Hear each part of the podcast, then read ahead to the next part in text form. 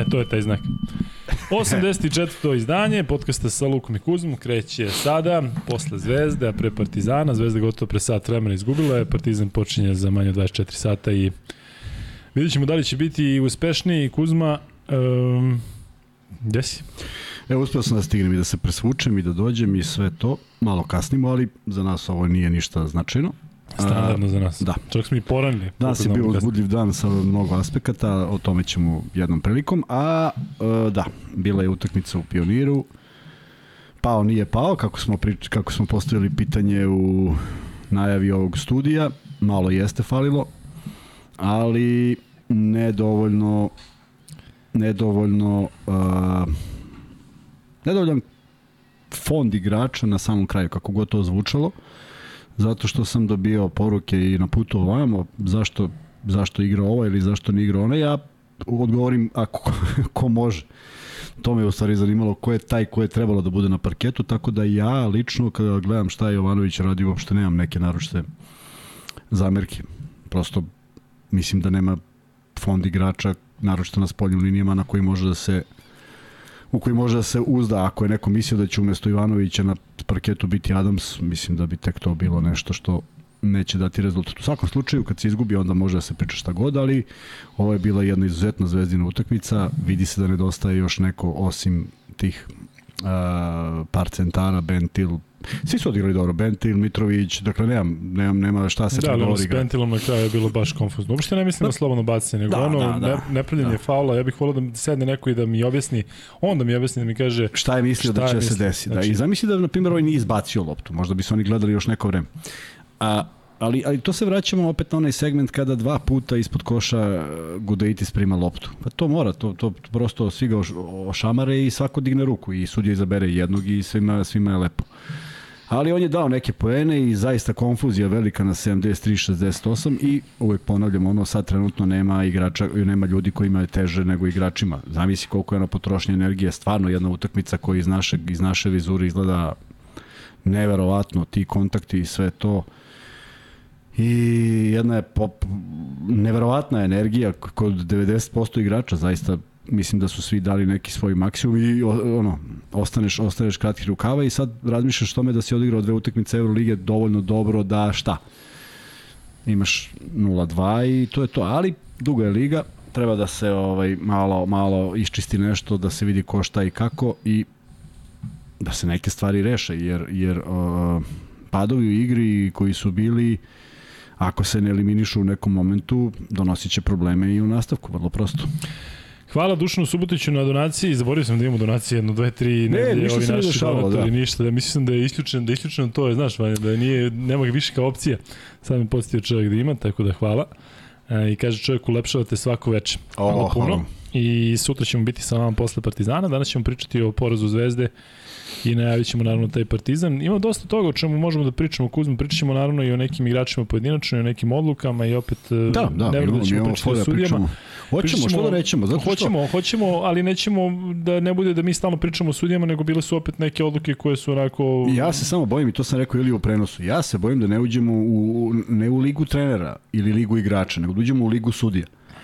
Dakle, uh, uh, promenila se važnost njihovog postojanja do jednog nivoa gde ti sad razmišljaš joj ko sudi, pa kako će, pa šta će, pa koliko će.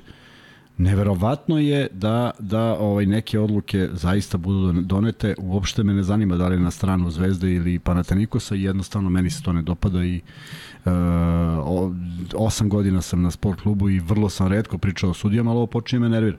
Počinje, ne uživam u igri, nije što me ne nervira, nego ne uživam u, u, u igri. I pogledaj sad koliko znači tih četiri poena tog faula koji je potpuno besmislen u celom ovom svemu, u svakom sudaru koji je bio, u svakom padu koji je bio. Hoćeš da mi kažeš da je manje ozbiljan faul Adamsa na Gudaitisu ispod koša, kad je promašio loptu pa okinuo u njega, nego onaj faul koji je napravio za nesportski. Pa to nema smisla. Tako da, ja sam za to da se pravilo ukine i mnogo mi je žao što da Stefanovića nisam to pitao. Stalno mi je bilo u glavi da ga pitam. Prosto. Nameran fa, ovaj, nesportski faul postoji ili ne postoji. Samo da čujemo od, od trenera šta kaže. Imaće prilike, pitaćemo i neki trener. Da, ali... Um, Nema ali. Jel ima nešto što ti je... što ti je večeras još skrenulo pažnju tako što ti je, ona recimo lopta kada je Ivanović uh, kačio loptu rukom, Oni su dali loptu zvezdi. Potpuno sumanuto. Videlo se da je udario Ivanović. I šta je onda poenta snimka? Ne znam. Ako ti vidiš snimak Ne znam, i snimak ti pokaže je. da Da, si pogrešio e. na terenu i ti ostaviš odluku Ja srećom je- imam naočare i onda stavim naočare i vidim da je Ivanović pipnuo, onda skinem i ne vidim i kažem pa da, stvarno upravo su. Znači, lakše ti je tako. Lakše je tako. E, u ovom trenutku igraju se još dva meča u okviru Euroligi. Šta je uradio? Real Šta je uradio Efes?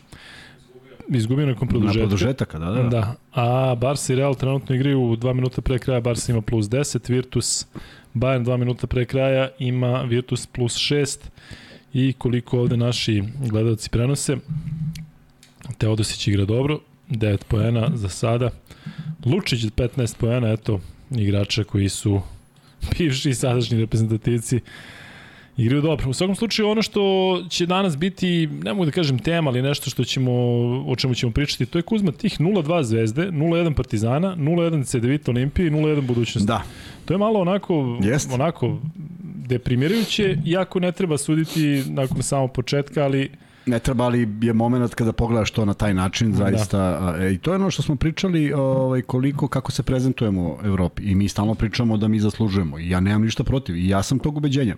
Da mi zaslužujemo, da region zaslužuje, da ovde Bosna, ako nekog izostavim, time podsjeti Bosna, Cibona, Jugoplastika, Partizan, je li tako? Ili ima još neki prvak Evrope? nema iz regiona. E, e, mi smo tu dali i onda pogledaš ovaj, ovaj trenutni status i konstatuješ da to tako. Ali, srećom, početak je, pa nije to nešto najstrašnije. Ja mislim da Partizan uskoro neće imati 0-1 da će Zvezda u nekom momentu da krene, ovaj, iako ima jako težak raspored, što opet dovodi do jednog pitanja ko pravi taj raspored i zašto i da, da li se tu neko favorizuje ili ne.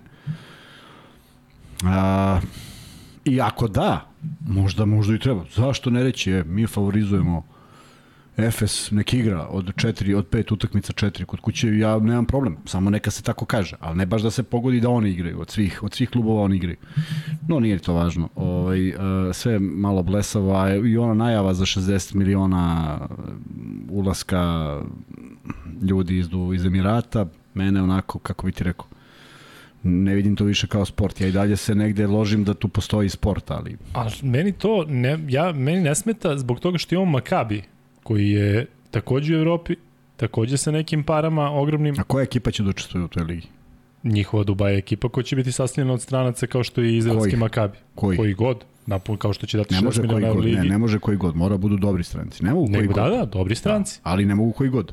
Koji Pa vodi? Dobri stranci. A koja je razlika onda između njih i Makabi? Pa razlika je što putuješ 5 sati da bi odigrao utakmicu. Samo je to razlika. No, možda nije dobro, strašna do Te, razlika. Tel Aviva koliko ima? Nema dva Ne sata. znam, pa ne znam, nema, ali ima mnogo više ovako. I u svakom slučaju, uh, samo uslovljavanje nečim, to je ko, ko kad bi ja došao do pari, rekao sad ja moram da igram u jednoj ekipi. I svi kažu, važi, Kuzme, evo, ali moram da igram 30 minuta, ne 2, nego 30, pa nema veze šta radimo. Ne volim uslovljavanje zato što ne donosi uvek nikad dobro, a s druge strane, Final Four u, u Dubaju, ja mislim da on može da se odigra eventualno do aprila meseca, da ne bi popadali svi mrtvi onih četiri dana što su tamo jer je nesnosne su vrućine i vlažnost vazduha i prosto stalno si u zatvorenom, tako da ne znam šta bi ti rekao. Ali u svakom slučaju e,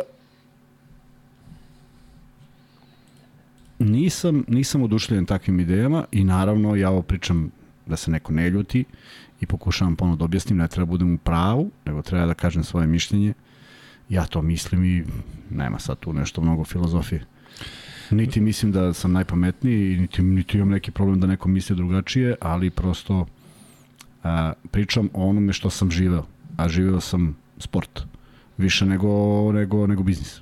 No, dobar deo sezone sam živeo sport. Čak sad ceo, ako mogu da kažem, ko, s kojim sam žarom igrao kroz celu karijeru, kako bi ti rekao, ne znam da li bi mi smetalo, da li sam bio manje plaćen, više plaćen, neplaćen ili šta god. To je bilo to. Da. Šta znam, ljudi vjerojatno gledaju da vidi šta se dešava sa tim arapskim novcem u futbolu. Šta se dešava? Gde lete i Šta se dešava? Leteli u. Paris Saint-Germain i šta se desilo? Ništa. Pa oni čak nijednom ni titulu nisu uzeli u Francuskoj. Tako bilo. Da, ali od marketinga imaju mnogo. Imaju premnogo. Bilo je neke informacije da kada dođe Messi, pa njegov dres samo koliko E, se to, e, prodao. sad slušaj, Peđa Mijatović sedi preko puta mene u Podgorici, 2018. godina budućnost igra Euroligu. Pozvani smo bivši igrači ko se tamo pojavio, znam da je bio Topalović, mnogo mi drago i putovao sam s Paspaljem u, u, u avionu. I sedeli smo zajedno. I znam da sam objavio jednu sliku u ekonomskoj klasi u društvu prve. Pošto ja smatram da su to ljudi koji su zaista iznad, iznad svega. I preko puta mene Peđa Mijatović. Velika čast da bude tu za stolom. On je tu zato što je mnogo pomagao u budućnosti, u prošlosti i tako dalje. Ponikao dole, tako? On je krenuo Da, ali- u budućnosti. Iz došao kluba, tako je. Da, da, da, da, ali Da. da. pomagao je u budućnosti u, pre, u, kad su igrali košarku, dakle Aha. on, u onom periodu, kad je on bio već u Realu i tako dalje. I kaže, izvinite, mogu nešto da vas pitam? Ja kažem, molim vas, prvo, ja sam navio za tebe da pređemo na ti, naravno bez problema pređemo na ti i pitao me neke stvari u košarci, ali vrlo, vrlo kulturno, kaže ja se to ne razumem, baš me zanima. I onda je tražio da nađe neku paralelu između futbola i košarke i vrlo brzo sam mu objasnio moj stav da tu nema nikakve paralele, da to marketing u košarci i u futbalu su nebo i zemlja. A onda sam ga ja pitao nešto vrlo bitno. Rekao, znate, kad, kad neko potpiše za Real, mi pročitamo u novinama da je prodato milion dresova puta 60 evra i da je taj klub inkasirao 60 miliona. A on kaže ovako, da, to straho, strašno dobro zvuči, da, 35% nema firma koja to pravi, 40% igrač čiji dres se pravi, 5% je nešto, a mi smo ostatak. Dakle, uopšte ta matematika 60 puta milion ne pije vodu, jer kad bi pila, bilo bi isu više jednostavno. Poenta je da kada ti čuješ da oni prave strahovite marketinške stvari, ja bih voleo da pogledamo zajedno njihov finansijski izveštaj i bojim se da su u ozbiljnom minusu. Svi futbolski klubovi. Možda jedan nije, a to je Bayern iz Minhena. Možda on nije, zašto uvek najmanje plaća igrače, vodi računa o svemu i negde, negde. Ovo sve ostalo. Dobro, oni su u sklopu, govoriš futbalski klub. Futbolski klub. Da. Ne, ne, govorim ti o košarci, govorim ti o futbolu. Dakle, ja mislim da to je jedini klub u Evropi koji u, u, možda bude ili na nuli ili u plusu. Ovo ostalo, nema šanse. Nema šanse teoretski, jer su izašli neki podaci koliko su miliona, stotina miliona klubovi u, u gubitku. Pa se ispostavilo da, koliko sam ja razumeo, jednog, jednog prijatelja, da kada je Roman Abramović napustio Chelsea, ispostavilo se da njemu Chelsea duguje ne, ne, nekoliko milijardi. Pa čekaj, gde su te pare? Misliš da je lako to da se obrne? Kao imamo strašan marketing, kao imamo četiri tetovirana pa se njihovi dresovi prodaju. Trt. Tako da ne ide to baš tako, a futbol ako ide u tom pravcu ide, ali košarka je isto. Mi, se, mi, mi pričamo o košarci, nema profitabilno, nema profitabilno, a ugovor igrača nikad veći. I ti meni da objasniš da je neko toliko puta bolji igrač nego što je bio neko pre pet godina. Nemoguće. Prosto nemoguće. Čak ne donose više. Čak koliko su bili plaćeni neki igrači koje, koje, koje smo zvali bogovima, a imamo naš je bog, Dejan, kako ono, bog Bodiroga, Dejan Bodirog. pa on, on u odnosu Naš na bog ove, Dejan Bodirog. pa on u odnosu na ove ne bi bio plaćen. Bilo bi plaćenih igrača danas u ligi koji su tek tu nešto, ništa spektakularno da donese titul. Niti jedan igrač može da donese titul u savremenoj košarci. Tako da, sve se vrti u krug, ko bude, definitivno ko bude imao više para imaće veći uspeh, prosto to se nameće tako. Ne, ja ne mogu više da vidim drugačije. Ja koji sam zagovarao, ma nije bitno, ma bitan je tim, pa ti nađeš neki igrač. Kako? Kako nađeš? Evo, ovaj, ova utakmica večeras. Ti ako imaš 12 igrača, ti si, ti si mrtav sledeću utakmicu. Pa oni ne da hodaju. Ako mogu i sledeću, ne mogu onu tamo. A oni će odigrati utakmicu protiv Cedevite, znači ne protiv neke š ekipe, i onda otići na dve utakmice u Baskoni i u Madrid. Pa to mora povedeš sve igrača pa da vidiš ko je raspoloživ. Inače da računaš sad na 12 nema šanse. Ja mislim da će otići njih 15 sigurno. Svi koji su raspoloživi pa će se tamo birati ko igra. Dakle, to je dovela moderna košarka i to nije lepo. Jer ne gledamo dobru košarku.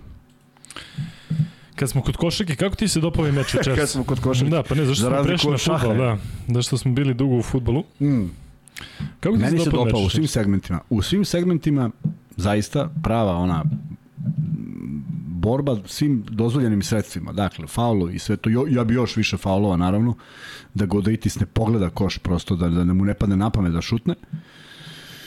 I, I to je jedino što bi dodao. Mislim da su uložili neverovatan napor, mislim da je ta razlika u dva skoka, to je nijansa, da je razlika u jednoj asistenciji nijansa, da je razlika u malo boljem procentu šuta za tri nijansa, jer je Zvezda u poslednjih 3 minuta na kraju napada šutnula nekoliko zaista besmislenih šuteva i to je ta razlika koja pravi, dakle potpuno izjednačena utakmica po mom ukusu. Predvideo sam, Ilija me pitao koliko očekujem pojena, rekao sam ne više od 80, bio sam jako blizu.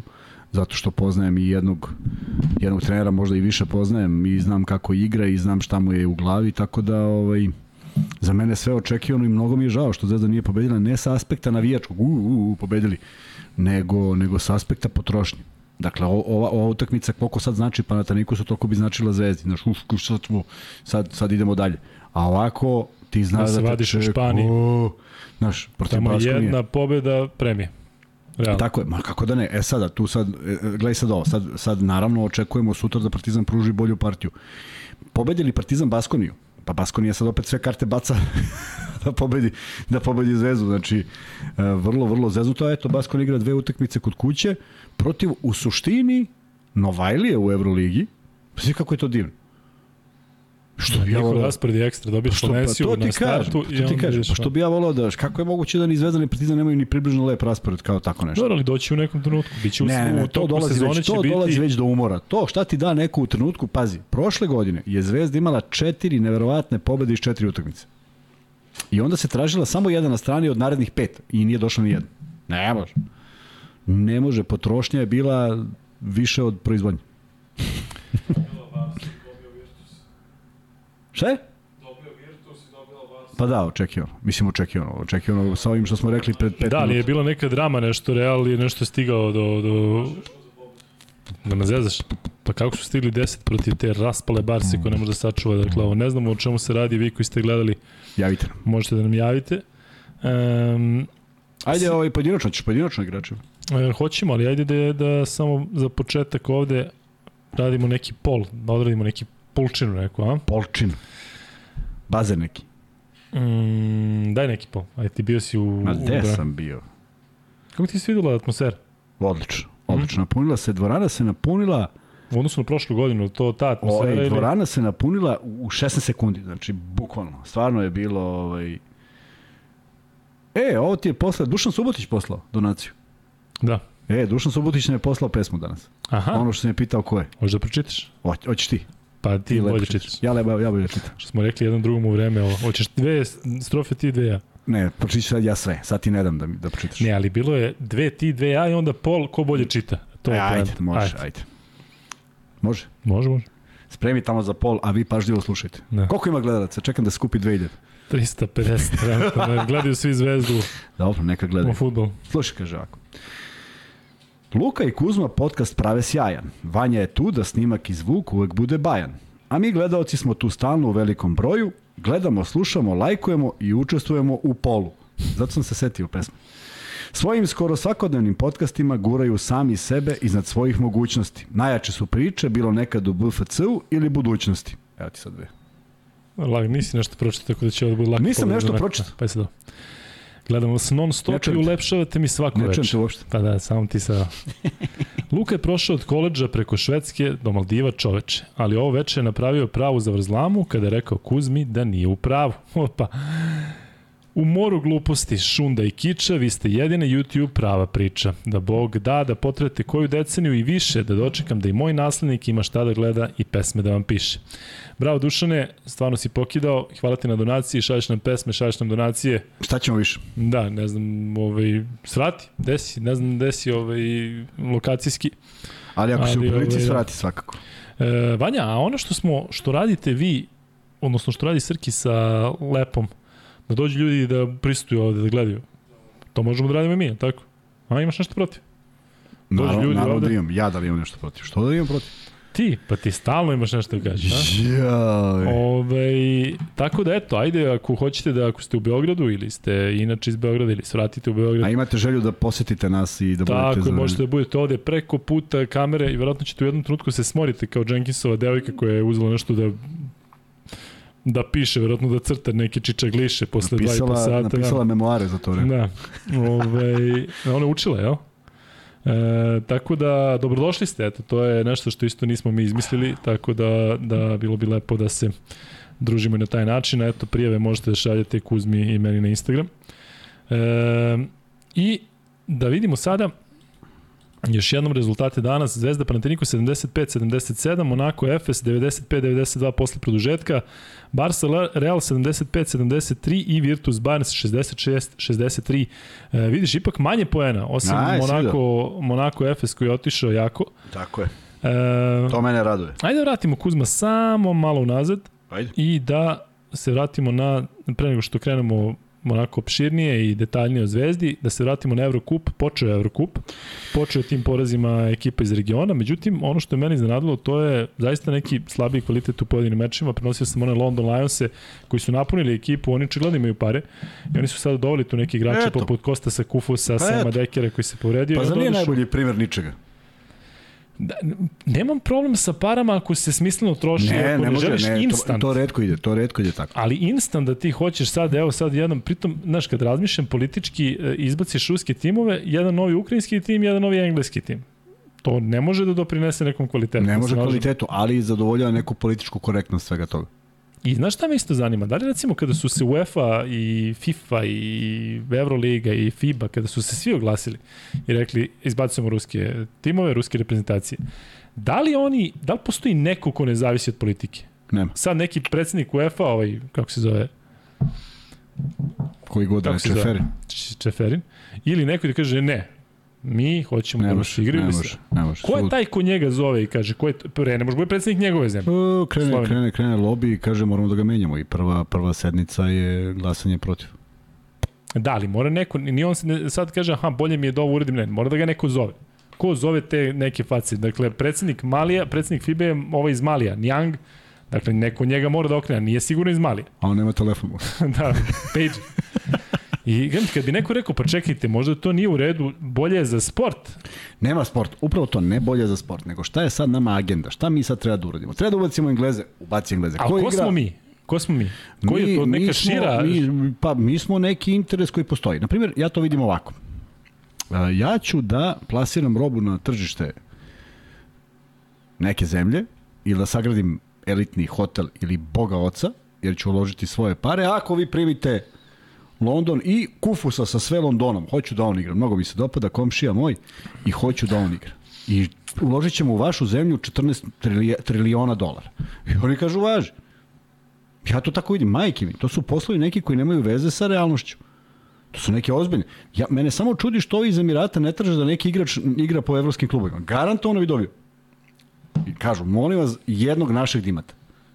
I Paris Saint-Germain, Messi, Mbappe i Al Mahnerer.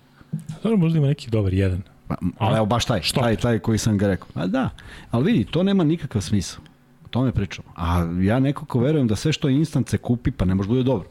E, ne zaboravi onog čuvenog, fenomenalnog, i ja sam to pozdravio, plana za Doguš i za Darušafaku. Kako je to dobro zvučalo, tako? I, pup, posle jedne godine, nestalo.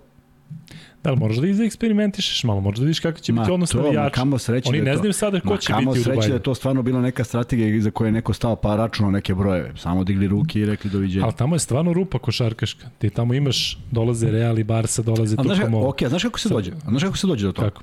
Evo ovako, mi smo, mi smo te, ne, te neki ljudi koji imaju mnogo para i mi hoćemo. I evo mi predlažemo i ovako ti nabace projekat. A projekat glasi ko je trener?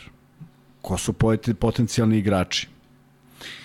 Ko je neki sastav stručni, znači ne mogu oni da vode nešto što nikad nisu vodili. Znači to budu neki profesionalci. I sve to izbace i ti dobijaš 68 strana nečega napisanog i kažeš čekaj, ovo ima smisla. Ovako, mi želimo da uložimo više duplo od ovih da bismo to, a da igramo ovo bez ikakve te razrade. Mora da ima nešto. Mora Možda, da a, možda, a možda oni misle za šest godina. Možda, ja ne znam. A bojim se da će da bude, znaš, kao, opet će neko da kaže, pa okej, ovo je dobar novac, ajde da se zovemo, ajde da se zovemo kako, kako je, Emirates. Emirates Euroliga. Paradoks, težak. I Turkiš je već Pa već je na granici. Pa, Dobro a ti ovo ovo je preko granice. Šta je, pa, bukvalno. Ali, dobro, pa mislim, to je sport danas. Možemo mi sad da se pravimo da nije. To je biznis danas. sport Gde, nije. gde je svetsko prvenstvo sada za mesec dana? Nemam pojma. A u Kataru. Pa mislim, a, za Pa. to me pitaš, da, znam gde je. Tako i, da, I eto, i eto, pa je li tamo promenjeno ko igra prvu utakmicu? Pa jest. Tradicionalno, 300 godina, 300 godina, 8000 godina, može. E, sad ćemo promenimo. Zašto? Pa idemo u Katar, moramo. Ne znam, Katar ne igra prvu, pa nešto igra nešto drugo, da bi bilo na televiziji. Pa je takva časovna zona, šta sad mi da radimo? Da se ja pitam, ne bi ni bili tamo. ali ne pitam se. Nećeš verovati. Pitaćeš se polako. E, Vanja, Samo ja da stanem na noge. ugasi, kako sam rekao, samo da se dovedemo u red. Da. Samo da se dovedemo u red i onda, e, u stvari da čekamo da pol pređe 100 pa da ovaj, gasimo. E, vidim da pitate mnogo Vildosi, vidim da imamo nekog e, od naših iz Pekinga ili je to neko nov, ali neko iz Pekinga rekao da gleda i pita kada ćemo da pričamo o Partizanu. E, pričamo kad završimo Zvezdin, tako da bez brige. E, deo emisije, pola emisije ćemo gledati da bude o Partizanu, tako da bez brige peglamo dalje. E, Vanja Gasijevi pol, jedan od glupljih polova od kada smo ih postavili. I? Pa pobedit ćeš ti, ti imaš I? ove tvoje bote. Pa 54% ti 45 ja. Tvoji su uvek za malo Pa jači. jevi ga. Uvijek za malo Pa jači. jevi ga, šta Da da stavimo pol, koji ste botovi? Da li Luka uzmi, mora E, da ja botove nemam, ne znam ni šta to znači. Ja ih imam, ja priznam. Ja bih volao da imam, kad bi znao 50 šta je. Sede i, sede i čeka. Cela Vojvode stepe tamo, svi u onom naselju. Um, Mm. I dodatno i švedski, a ja samo Beočan imam. pa pa ti imaš celu državu, Crna Gora cela iza tebe stoji. Pa Crna Gora cela. cela, jes. Da, to je otprilike neću da, da ne bude da nešto, ali to je deo Stokholma ako, ako pogledamo. E, ima dosta pitanja o Partizanu, ćeš da šaram malo Kuzme ili da krenemo od Zvezde pa da o, da, vidiš, kaže pozdrav iz Pekinga, Luka ne gledaju svi Zvezdu, ima i nas koji navijamo za neki drugi klub. Ima, tu smo. Šta je E, kaže? Kaže, Luka ne gledaju svi Zvezdu, ima i nas koji navijamo za neki drugi klub, a propo onoga što sam rekao, gledaju možda sad Zvezdu futbol. Ajmo ti da se nerviraš sad. A, ne, nisam nervodan. Da. Samo ti kažem da Dejan Kovačević hoće da se ovaj, upozna s tobom. Dejan I Kovačević. sa, I sa Lukom, pošto sa mnom upoznao, da. Eto, imamo, Super. imamo pitanje. E, pitaju ovde kakav skor očekujemo da ima Zvezda. 36-2. Kakav skor? A, kapital je dobiti svaku utakmicu. Zvezda je sad u jednom minusu, ovo, ovo protiv FS ne računam, niti je, niti je negde očekivano. Ali Zvezda je uspela da iznenađuje i na, i na, ovaj, i na gostovanju. I ja mislim da će ove godine za top 4 biti dovoljne 22 utakmice. Sorry, ja i ne znam koliko je bilo prošle godine. Vanja, 22 pogledaj koliko je bilo prošle. Da, pobede. Pogledaj koliko je, koliko je, koliko, koliko, je, koliko su prvi, drugi, treći, četvrti imali prošle godine u Euroligi. Uh, Eno Vanja prevrće očima. Šta ima Vidimo očima, samo uđe u Euroligu. Ispod naočala mu se vidi. Ja sam danas jedini bez naočara. Sećaš se kad sam se pojavio u onom jednom podcastu sa naočarama Pa bacio si ih posle. i ovaj, mada izgazio sam ih odmah čim smo kad sam video gledanost. Mm, ajde odgovorim malo na pitanje, da li znate ko je Nenad Jakovljić bio u stručnom štabu u reprezentaciji, sada u stručnom štabu Crvene zvezde? Da, ja znam ko je, zato što smo sedeli jedan drugog cele prošle godine na Euroligi, on je bio delegat Eurolige. Momak je visoko obrazovan, košarkaški, radio je svoje vremeno u Trentu, pričali smo jako puno o raznim temama, jako bilo prijatno pričati sa nekim ko dobro poznaje košarku. Izvini. Evo, našao sam, našao sam, Vanja, važi. Vidio, izvini što te prekidam. 21 Barcelona, 19 Olimpijakos, 19 Armani i 18 Real. Znači, ovo ja sam preterao. Teo sam kažem oko 20, pa sam mislio da sam malo ispod crte. Dakle, sa 18 si išao kao domaćin. E, to će biti ovaj, neka margina. Pazi, 18-10. To je strahovito blizu e, 14-14. Je to neka sad nenormalna razlika. Tako da Zvezda ako dođe u pozitivu, to je već šansa za, za, za neki uspeh. Da, ali e, što ti kažeš, ovo je zaista loš početak sezone. Zvezda će u najboljoj varijanti imati 1-3 ako, ako uzme jednu pobedu u Španiji i odmah, odmah si u zaostatku. Pa odmah jesi, si u pa zaostatku, jesi, odmah ali- juriš i moraš ali- odmah da dobiješ neke utakmice koje ćeš teško. tako je, pa tako je. I, i, Pa takva je Euroliga, takav je ligaški deo. Nepravedan dosta. e, I opterećujući. I stalno si u nekom pritisku. I stalno nešto moraš da nadoknadiš. Lukic, imam pitanje u vezi sa koleđom, kako je tamo sa doping kontrolom, kad ćeš imati vremena, mogu da čekam, hvala. Pa ja kad sam bio, bilo potpuno drugačije nego danas. I neke, neke substancije koje su danas dozvoljene ili nisu dozvoljene, tada jesu ili nisu. I baš je drugačije, imamo svi testove pred početak sezone. Ali idi, idi, u, idi u Colorado ako hoćeš na neki univerzitet. Tamo su neke substance sigurno dozvoljenije nego što su bile. Jeste, svuda je drugačije. Ove, tako da, kad sam ja bio, bilo je onako dosta prođe. Mogu si nešto da proturiš i što, što nije moglo. E, nismo imali one random testove kao što imaju danas tenis seriji. Sad te neko samo dođe i kaže, ajde ti si sad moraš da ideš da uriniraš u flašicu, pa ćemo to da gledamo. I e, šta da, šta da vam kažem? Lukam komentar na Partizan Kjell. Gledao sam iz najbolje pozicije na svetu taj meč, zato što pričao sam vam da sam rođen u ovim soliterima između Zvezdanog i Partizanovog stadiona i moj kum živi u onom studije, soliteru Ljutice Bogdana koji je najbliži stadionu, gore na 11. spratu. Ne postoji bolji pogled. I da, bilo je zanimljivo, s tim što videli ste i one dve bakljade i sve što se dešavalo, pa sam ja očekivao, mislim da će biti treće, da se nešto ne da Bože prekine utakmica, ali dobro, e, moram priznati da smo se čak i mi nešto, ne svađali naravno, ali smo se prepirali u kakvom Kijal ne igra raspoloženju ligu konferencije. Ja bih volao da su oni u onom punom sastavu i da su puni lana kao u Bundesligi, ali bojim se da nisu. U svakom slučaju Partizan igra dobro u, u Evropi, a sada ovo što se dešava u domaćem prvenstvu, pitanje šta i kako. E, Vanja, slušaj ovo, pozdrav za 7-3. Aha. Ne, ne, ovo, je, ovo ima nešto posle za tebe, mislim da je to to. Evo gore, sad ću ti pročitati. Ali prvo, pitanje za Luku, ukoliko nije komentarisao do sada kako objašnjava formu Pantera koji na početku sezone ne može ni otvoren šut da pogodi. E, mislim da nisam komentarisao do sada, ali takođe mislim i da je bolje da on krizu prođe na početku. Zato što je, sećate se prošle godine sa onim Juventusom odlično je otvorio sezonu i to su igrači koji su takvi šuteri da ne mogu cele sezone da budu u top formi. Daj Bože da bude jedan deo sezone i da taj deo bude onaj najbitniji za Partizan. Ali vi koji pratite E, crno-bele videli ste da ima jedan od pet, jedan od sedam, jedan od ne znam koliko. Pogodi jednu trojku iz ne znam koliko pokušaja, a videli ste protiv Albe, ona prva dva šuta bio prilično sam i jedva je pogodio prvi obruč. Tako da, e, podići će formu. Tako uzme, to sa tim šuterima ne možeš cela sezona da budeš u dobroj formi. Pa vidi si, evo Ivanje, ti znaš, Stef Kari prošle godine imao je baš on jednu ozbiljnu krizu. Kada je postavio onaj rekord, sećaš se da je bilo nešto bre... Ma čak ni ja nisam mogu da budem u formi celu sezonu. ja i ti smo se pokazali na ovom snimku kakvi smo šuteri. Da. Oni, oni, ne možeš, oni, ne možeš da traješ pogotovo ovom broju utakmica u ovakvom načinu treninga. Ajde ovako, vidi. Uh, Sale Lukman nam je bio gost i dao je očigledno fantastičnu analizu zato što ljudi dan danas to gledaju u ozbiljnom broju. Uh, Ajde, razmisli kako će izgledati od ponedeljka do petka Zvezdin. U ponedeljak kreću na put, odigrali su utakmicu za vikend, verovatno u nedelju. Sad, aba. Sad, celi pa, vikend, da, verovatno u nedelju, tako je.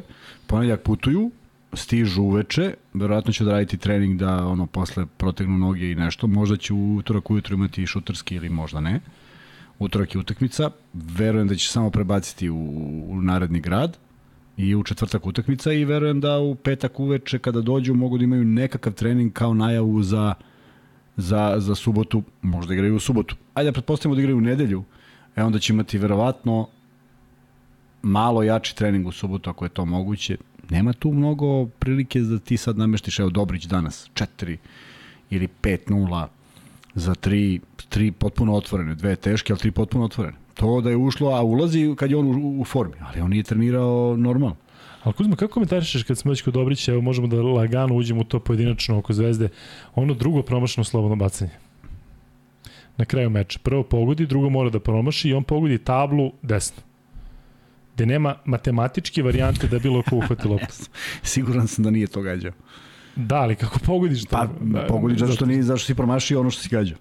Pa, Glupo jeste, ali nema, nema tu sad nešto mnogo, sad znaš gde, gde, gde i kako, ali, ali ja verujem da je hteo nešto da se odbije negde, međutim promašio to što je hteo da gađa. Nije imao bila zamisla. Šta bi gađao tada? Dakle, možda ja bi, ja bi uzao, ja bi uzao zvi, zvizno onako kao što je uradio Lesor, jer to je očigledno nešto što pali. Ali za nije logično da gađaš u drugi obruč tvrdo? Ne, ne, imaju dva, dva nenormalno visoka igrača. Ja ne znam šta možda ih preleti. Znači, jedina ideja da gađaš, da gađaš tako obruč, kako bi ja? Prvi obruč niskim Prvi obruč u, u potpuno, skoro ravno, da se odbije na dole. Zato što, zato što ako se odbija na gore, oni skaču. Da se odbije nekako na dole, padne na zemlju. Što je Lesor to gađao? Ne, Lesor je stvarno pogodio tako da, da, da, da ono kad se vratio snimak da se videlo da stvarno nije ušao, jer je toliko brzo zvizno nazad, ali to pogoditi mislim da u narednih 10 pokušaja ne bi pogodio, nema šanse ili tako nešto ti se vrati u ruke, ali tu postoji bojazan i tu je ovaj naš drug Goran Marković, ovaj što je pričao o Japancima i dresovima. Kaže da je razvio odličnu strategiju. Kad, kad je morao da šutne tako u nekoj ligi u kojoj on igra u Nemačkoj, znaš šta je radio? Kaže, odmaknem se korak dalje od slobodnog bacanja. Kod White Howard imaš te likove koji se odmaknu, da bi, zašto ima previše jake ruke da bi, da bi šutirao baca. E, ali ovaj bi je šutno da je zavali da kad potrči prema njoj, stvarno ne pređe Aha. liniju U svakom drugom slučaju prelazi liniju, ili A bar tako pritom deluje. ne možeš da gađaš namerno. Možeš, definitivno možeš da gađaš namerno šta god hoćeš. Nema šanse. Da ti sad E, zavrljačiš jednom rukom da je Ne, zavrljačiš ne, ne, jedno, da ne, ne, odeš. ne, jedno, moraš, mora batiš, ne možeš, ne možeš da uzmeš. Pa gde je ta granica? Sad ti uzmeš i... Nema, samo da si napravio nešto što liči na šut. Ništa. Ne, mož, ne možeš, ne možeš iza leđa da baciš, da. Ne možeš vaterpolo, malo je glupo i ne možeš da vališ u tablu, treba gađaš obruč. Ne znam da li može tabla, ako može tabla to je još Da bolje. ti kažem, da. Ma nek stave da može, pa neka svi gađaju. Sumnjivo pravilo. Ma samo nek izmisle nešto dobro. Neko Ajmo novo Dobrić. pravilo, ma, malo je pravilo, znaš, pa još više pravilo. Da sudije gledaju kada to bude, ono, da provere. Da, da provere da li je, da li je pravilno pogodio kvadrat. Kaže Kuzma nije uzeo PSG nijednu titulu, a on ih uzeo 8 od posljednjih 10. Ko je uzao sam u posljednji deset? PSG. Čega? U Francuskoj. Jeste stvarno. Je dobro, uzeo jeste, ma hoću ti kažem, ma do, i to je, pa u, pa a sledeći klub je koji? Pa Monaco, Lyon i ostali. Kakvi, nemaju veze sa, sa tolikim ulaganjima, pa jedan igrač im košta kod ceo tim. E, ajde kada si već kod Dobrića, reci mi, jel, ok, kako ti deluje kad se vratio sada na stranu taj Nije, šut, nije on bio, pa nema šut, to nije on. ali on, koliko dugo je odsustovao? Pa jedno 20 dana. Pa eto, Pa jest. je li mnogo. opravdanje? Mm, jest, za Sa promašeno. onim, sa onim isto i, i katiranjem iz 12 u, u reprezentaciji, nije njegovo leto bilo uspešno. Nije, nije, nije, I onda se povrediš. I onda se povrediš i sad opet, i sad ti I sad očekuju da budeš prvi Pa igrač naravno, Zvezde. i sad ti šutiraš treću za koju, za koju svi vidimo da ulazi, ona izađe, a, a znaš koliko to njega ubija. Znači on sad razmišlja i, i ni ova nije ušla. I onda gubiš samo pouzdanje. Mnogo mi je žao, zato što, zato što je velika energija koju on potroši. Tvoj miljenik Adams danas, Ništa. Ništa posebno. Dao je onaj faul i koš, ali prosto to... ali dobro, bolje nego protiv budućnosti. Pa realno. mislim, ako je to neko merilo, da ti kažem... Otvorio nekoliko kontri, nešto u obrani bio agresivan. Vidi, on, on pređe pola i prebacuje između noge i iza leđa i prebacuje između noge i iza leđa i ne osvaja ni jedan metar i ne znam, ja, ja ne znam da li on shvata važnost ove utakmice inače, majke mi, nije mi jasno, on je uzor jedan šut. On ima tri ulaza.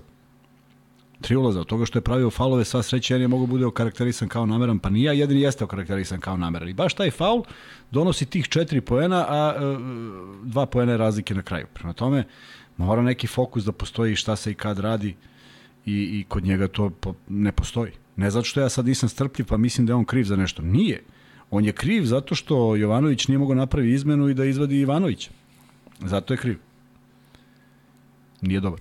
Ivanović, kad se već tu, Ništa. Mučio se, mučio, mučio i, I na namučio. ona posljednja lopta. Se I posljednja lopta koja... nema opravdanja za onako Ne, da ti ne, ideš, ne. da ideš u onu stranu i da je bacaš vamo. Nema nikako. Nema nikako. I onaj aut. Znači sve što treba da uradiš, baš ne to. Možeš da je baciš bilo gde, samo da nemaju kontru. A oni imaju i kontru. Tako da, Je li to glava ili nešto drugo? A, mislim da je fokus. Mislim da je glava. Mislim da je neka brza oprostost. Mislim, znaš, sad, sad ćeš dodaš, pa nećeš, sad doda... Znači, moraš da imaš ideju šta je najvažnije da uradiš. U tom trenutku najvažnije je izvesti loptu.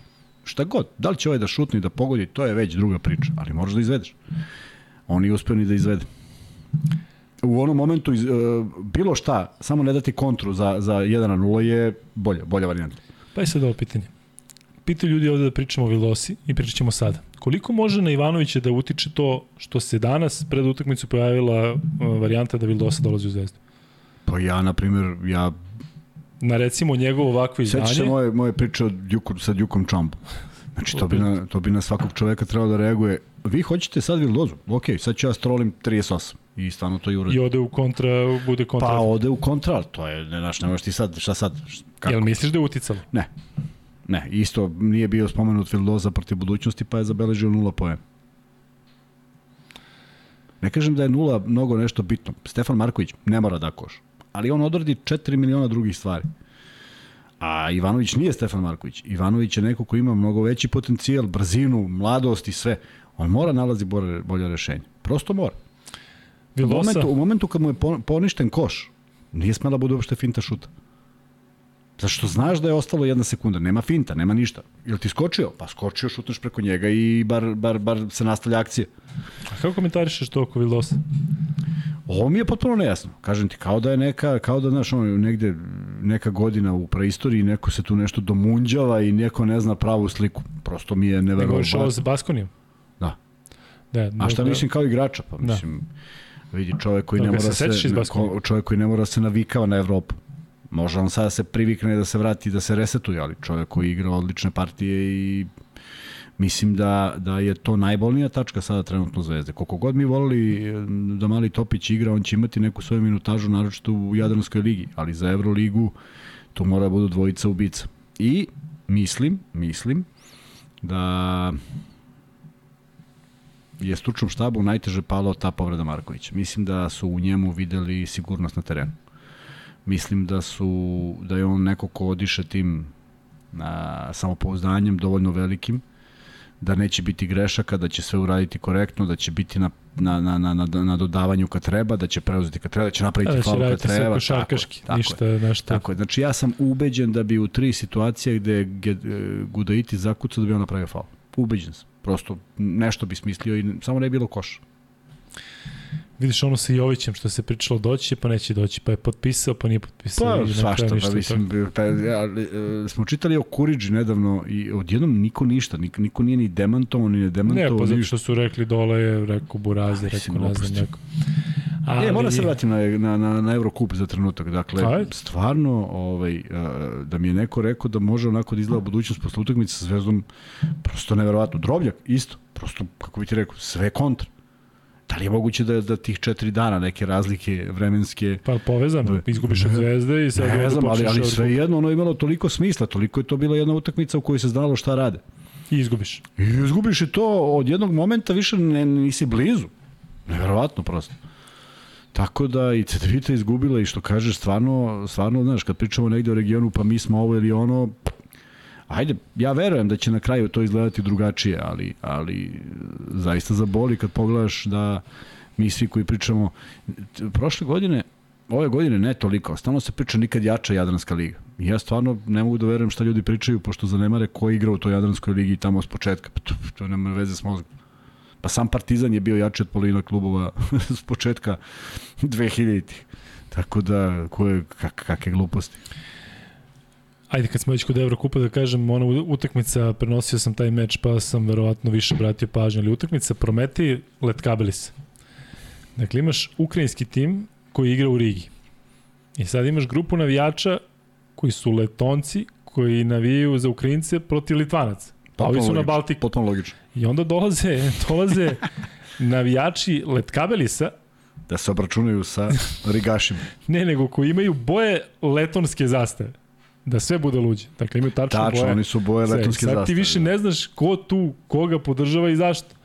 Tako da je bilo onako prilično bizarno, ali košaka je bilo nešto slabije, taj Prometej isto doveo neka bitna pojačanja, velika pojačanja, poznate imena. Kako će sve to izgledati ne znam, ali ako nešto znamo o Eurokupu, mislim da će biti interesantan, zato što ti danas ne možeš da kažeš ko će biti šampion Eurokupa. Tako, prošle godine si mogu da kažeš Valencija, Partizan, ne, ne, ovo će biti potpuno nešto, Ali sa da. te strane, ko, ko ti je danas favorit? Ne burs, burs. Pa jest, pa da, mislim Ozbiljno, da su igli da. prošle godine da. finale, pobedili Cedevita Olimpiju i imaju još neki igrači od prošle godine, pa se nekako podrazumeva. Ali dobro, ću da se vratimo na Zvezdu. Hoću. E, I sledeći igrač centarska linija, ajde da krenemo od Bentila, ja i dalje ne mogu da razumem ono što je uradio na kraju. Dakle, možda je povezano sa tim što si promašio ono prvo slobodno bacanje, pa se videlo da mu je teško, pa si onda nisi slušao time out. Ali zar tebi treba neko da kaže da ti treba da napraviš faul? Ne znam, ja sam, ja, ja sam neko ko, ko u tom segmentu zaista vidi pet domaćih igrača koji će da urade pravu stvar. Koliko god oni bili manje kvaliteta. Nažalost, tako gledam. Zato što sam imao prilike da igram i, i shvatao kako razmišljaju i ne dopire. Domaći u smislu razumeće na time outu šta priča tako, ili... Ne, domaći razumeće šta treba da uradi. Dakle, klinuće glavom zaista u smislu tako je. I e, znam da je praistorija i znam da ljudi sad već samo tamo se, se nerviraju i čupaju kosu, ali e, dok nismo imali skautinga, igrali smo taj kup koreća, igrali smo protiv Sijene i videli da je Sijena sastavljena od šest ili sedam američkih igrača, mi smo ih videli samo na zagrevanju. I kad smo videli ko izlazi, konstatovali smo da pobeđujemo i pobedili smo bez problema. Dakle, pa da je neki igrač. Ma ne se. Sjajna Montepaski, to je bilo ne, nije Montepaski, pre toga. Pre nego što poslali Montepaski. Pa dobro, to je taj Da, ali ništa, ništa posebno. Ma baš smo ih ovaj, I hoću da kažem, uvek sam, u, polazim od sebe. Polazim od sebe, znam, znam da, da, da 99% slučajeva to što je bila zamisao trenera da sam i ostvario. I ne mogu da gledam drugačije. I strašno mi smeta kada vidim drugačije. Dakle, ja u mnogo toga nisam bio najbolji, daleko od najboljeg. Ali taj jedan segment da ćemo da napravimo nešto smo dogovorili, tu sam bio, apsolutno mogu da kažem, bezgrešan. I zato sam imao dobru saradnju sa mnogim trenerima. prosto ako treba faul, uvek sam ga pravio. I, i vrlo redko da bude faul i koš važi, pa sam zakasnio i ono. Pravio sam ih u karijeri, naravno, dok nisam naučio kako treba. Ali ovo je ozbiljan nivo na kojem to nema nema ovaj nema nema takvih propusta. Šta nam je rekao Nenad? Mislio sam da je KLS problem sa zahtevima. Došao sam ovde vrlo slični zahtevi. E, to su ti problemi. To su ti problemi obučavanja igrača i ko ih obučava. Jesi 100% sigurno da nikad neće biti trener? Mm. Jesi digao ruke? Pa imam 100 godina čoveče, kako da, ne mogu da mlad trener, mogu samo da veteran. Ja kad je počeo radim, oni bi rekli, evo ga veteran Kuzmanović. Pa kakve veze? Pa ne prijemi da budem veteran, još sam mlad. Ovaj, totalno si to stavio tačku. Da. Stavite, Vanja, stavi jedan pol da vidimo da li mislite da bi Kuzma bio dobar trener. Ali govorimo trener, trener, ne govorimo trener negde u... Negde u sport klubu. Da, da, neki, ili, ili neka B liga, beton liga, nego da li bi Kuzma bio dobar trener. A pazi, tvoje objašnjenje zašto nisi trener? Zato što ti Igor Kokoško rekao da zamolite da budeš čovjek Tako delu. je, tako je. I Ja... Ali pazi, to bi imalo smisla da je on to. Dakle, on ti je rekao nemoj da radiš ovo što ja radim, tako je. a ja sam NBA Tako, ja sam trener rekao, u NBA čekaj, ligi ja, ja sam sam rekao, super. čekaj, ti si to što jesi i to mi kažeš, on kaže da. Ja sam na tu gde jesam, ne mogu da, ne može on da promeni, ne može da bude igrač. On može da bude samo trener. Ne može pređe ni da bude odelo, jer je već profilisan kao trener. Ali kaže, nemoj ti, zato što se trener neće pisati velikim slovom. To je 2006. godina. I meni je to sasvim okej okay zvučalo. Ja to danas e, tako. Ja mislim da jeste. Pa, na, a, a ja pitamo trenere, mislim, meni tako deluje, da su potrošni, meni, meni, meni sukob, meni sukob, a, a, James, James, da, James i Mitrović pokazuje apsolutno da, da, da je trener malo slovo. Možda je to jedan u hiljadu primjera, ali ja to tako vidim. I nikad te ne kopka. Ja da sam Ne. u trenu stavi postavio ovo, stavi pet Ne. malih, uradi bi Ne, ovo, uradi ne. bi onako. Ne, ja čak mislim da bi, da bi više mogao da objasnim 1500 stvari van terena igračima šta treba da rade. Jer to se vidi. Jer ja moram, znaš, izađem na zagrevanje i pogledam kako je neko raspoloženje. Izađem i vidim kako se, kako, kako se kreće, da li će biti dobra utakmica. Znam da to ljudi sad misle u ovaj, sve zna, ali prosto to je to. Znam po svojim saigračima, znao sam nekada kako ćemo da igramo, znao sam, znao sam mnogo toga kako će se odvijati, ne koliko ćemo poena da ubacimo na nešto, nego u kojoj si, u kojoj si energiji. I neće da bude trener čovjek. Neću, bez obzira na e, rezultat pola. Ne, ali znaš šta bi ti bilo ekstra? Da, Ajde, ti, da ajde da budeš čujem. trener, prvi trener Dubaja. E, tamo pa da- to može. A? I, I da osvojimo titulu u prvom pokušaju. Uzmeš Ma lovu i baš te briga. Radimo podcast preko ovog Zuma i ćao zdrav. E, Kuzma, Bentil, tu smo stali. Stali smo kod Bentila koji je odigrao odličnu utakmicu na oba, na oba kraja. E, strašno sumnjiv faul u napadu, potpuno ne prihvatam da je, da je to bio faul.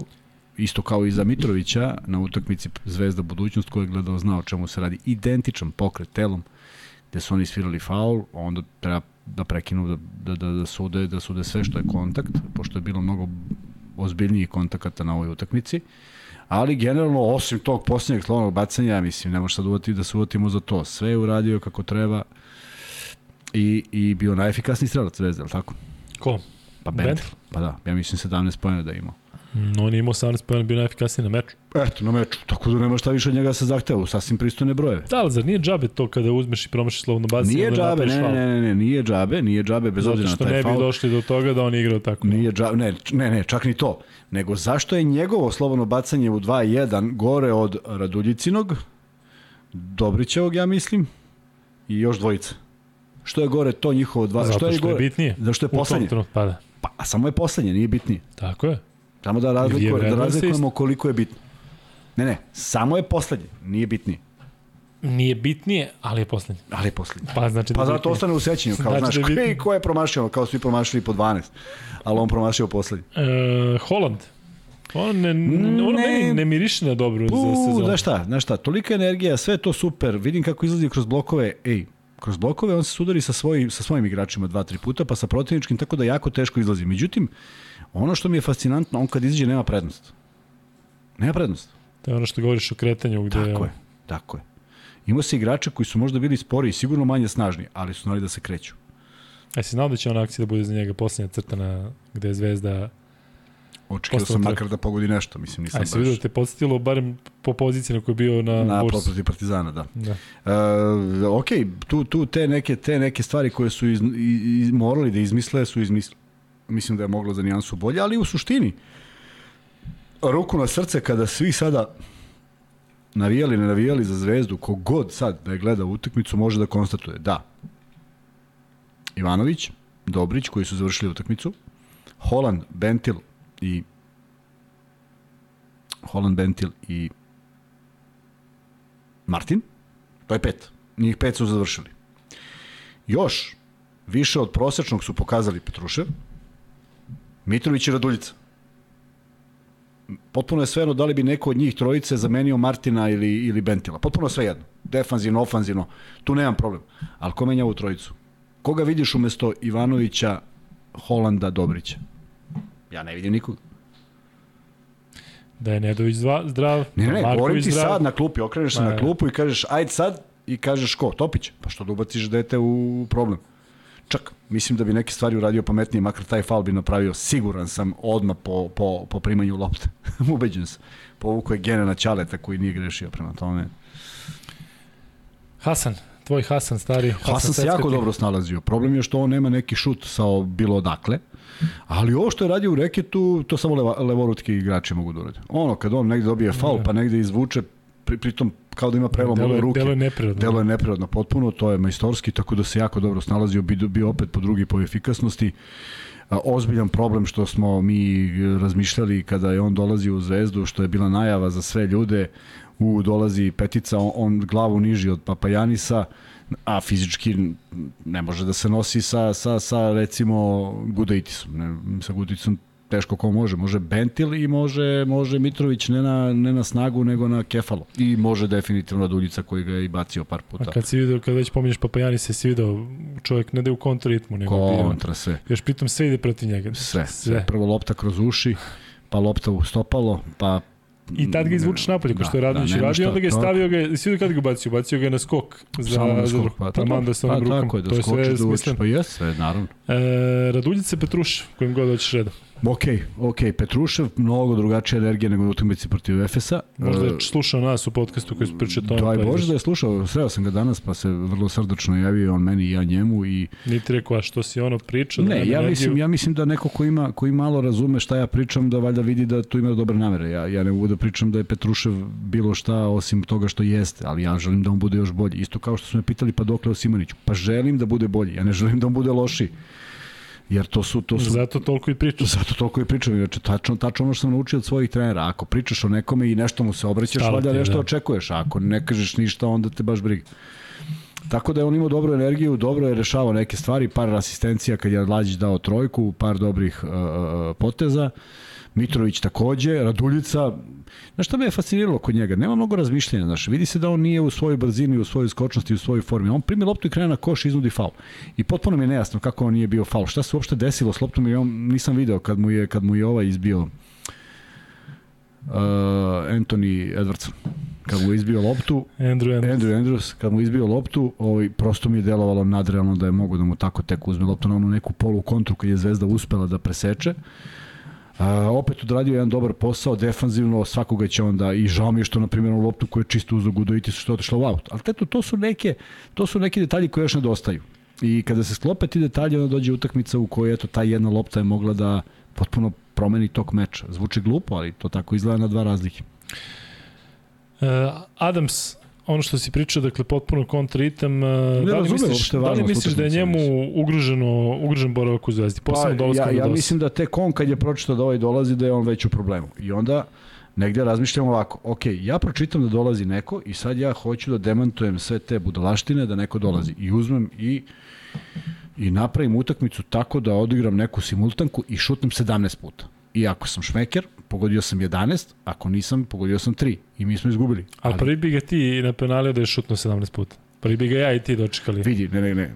Ka- Kad kažem da šutne 17 puta, ne da pređe pole da šutne 17 puta, govorim iz pozicija. On ima brzinu da nađe poziciju, on je nalazio poziciju u svim utakmicama do sada. On danas nije imao poziciju za šut. Kako god. Snađi se. uradi nešto, pokaži neku želju, a ne, vidi, e, e, broj sekunde koliko pređe, pro, prođe dok on pređe pola, prvo prelazi pola u, u, ono, u cajtnut, a onda još 3 sekunde radi to isto u mestu, pa čekaj, ostaje doslovce 5 sekundi za napad ne deluje mi uopšte kao da, kao da a, a ja mislim da bi on mogao pretrči svakog svog čuvara. Ili makar da pokuša da pretrči. I ispostavlja se da jedini poeni koje su dali je taj faul i koš sa vrlo diskutabilnim potezom, daleko od koša i to je ušlo više što su svi stali pa je on bacio. Sledeća je već bila kratka protiv uh, Papajanisa. I onda je dao još jedan koš iz, onog, iz one kontre. Pa taman još i to ne dao onda stvarno da se pitamo o čemu se radi. Ajde, namjerno sam te pitao za njega, zato što sam hteo da se nadovežem na Vildosu, pa ćemo se vratiti na igrače, zato što ovde ljudi pitaju Vildosi mnogo. E, rekao si kakav igrač, da će lako da se vrati u Evropu, međutim, ovo što se dešava sada na relaciji Baskonija, Zvezda, Vildosa, čija je to greška? Se. Pa ne znam, ne, ne, ja, ja ovoga iz, iz čega piše i šta piše, ja ne mogu uopšte da zaključim. Majke mi. Da, da li, ko, ko to? Treba menadžer da proveri, da kaže, e, mi imamo dogovor sa ovim, ili treba Zvezda da ide da, da, da čita ugovore njegove? Gde, gde je tu, ko je tu neko ko je, ajde da kažem, zatajio? On, menadžer, Baskonija koja je trebalo da okreći na tabu. Ne, ne može Baskonija da okreći, ne, ona ne zna šta on radi. I on sada, njegov menadžer kaže, njegov menadžer kaže on je slobodan igrač. Zvezdi. Tako da nije ni Zvezda kriva. Na, ne, kriv je, kriva je, kriva je kriv je menadžer koji nije pokazao sve podatke. Ili ne zna šta je, možda je on promenio menadžer, otkud mi znamo. Pa je sad došao neki, pa moj nije dao na uvid. U svakom slučaju ne može kod zvezde koja pita, prvo pitanje koje dobiješ, si ti slobodan igrač. Pritom smo videli već pre nekoliko dana da se zvezda tako bori je, sa kim? Tako je, sa Makabijem. Sa Makabijem. Sa Makabijem. Tako je. da. Tako da, to je sve čudno, ovaj, jer, jer neko nije odradio dobar posao. A kažem, ne verujem da Vildoza ima lošeg menadžera kogod daje i ne verujem da je zvezda neko ko ne zna da, da, da pročita neke stvari. Prema tome, a ne verujem da su zanemarili tu činjenicu. E, ajde mi se pravimo blesa i pa da da će da reaguju. Mislim, malo teško. uopšte taj način uh, odnošenja prema, odnosa prema igraču da ti sad ono do NBA ligu, ali on je, ima, ima pravo na njega kad se vrati u Europu. To ima smisla. Može potpiše i da mora da gostuje kod nas i ako to piše mora da gostuje. Tako da šta su da, potpisali to je. Pa nažalost ne piše, ali mi ćemo se potruditi da u sledećem njegovom da. ugovoru bude. Hoću da kažem šta je potpisao, da li to ima smisla ili nema, to je stvar dogovora. Možda su njemu, možda je on Ne znam, ne znam na osnovu čega bi mogli da imaju prava na njega, ali možda je on, pošto je Poniku ili već odigrao dobro u tom klubu, rekao da, naravno, kad ja se budem vraćao, vi ćete imati tu prednost. Možda, možda oni nisu ni hteli da ga dovedu. Možda je on trebalo da uradi i kaže da li vi želite me vratiti, oni kažu ne, on to dobije napismeno i onda on ide dalje. A ovako možda samo nije razmišljao da će oni hteti da potegnu tu klauzulu, a klauzula je interesantno baš se dešava u momentu kad treba da igra protiv njih. Tako da, možda je samo zbog toga.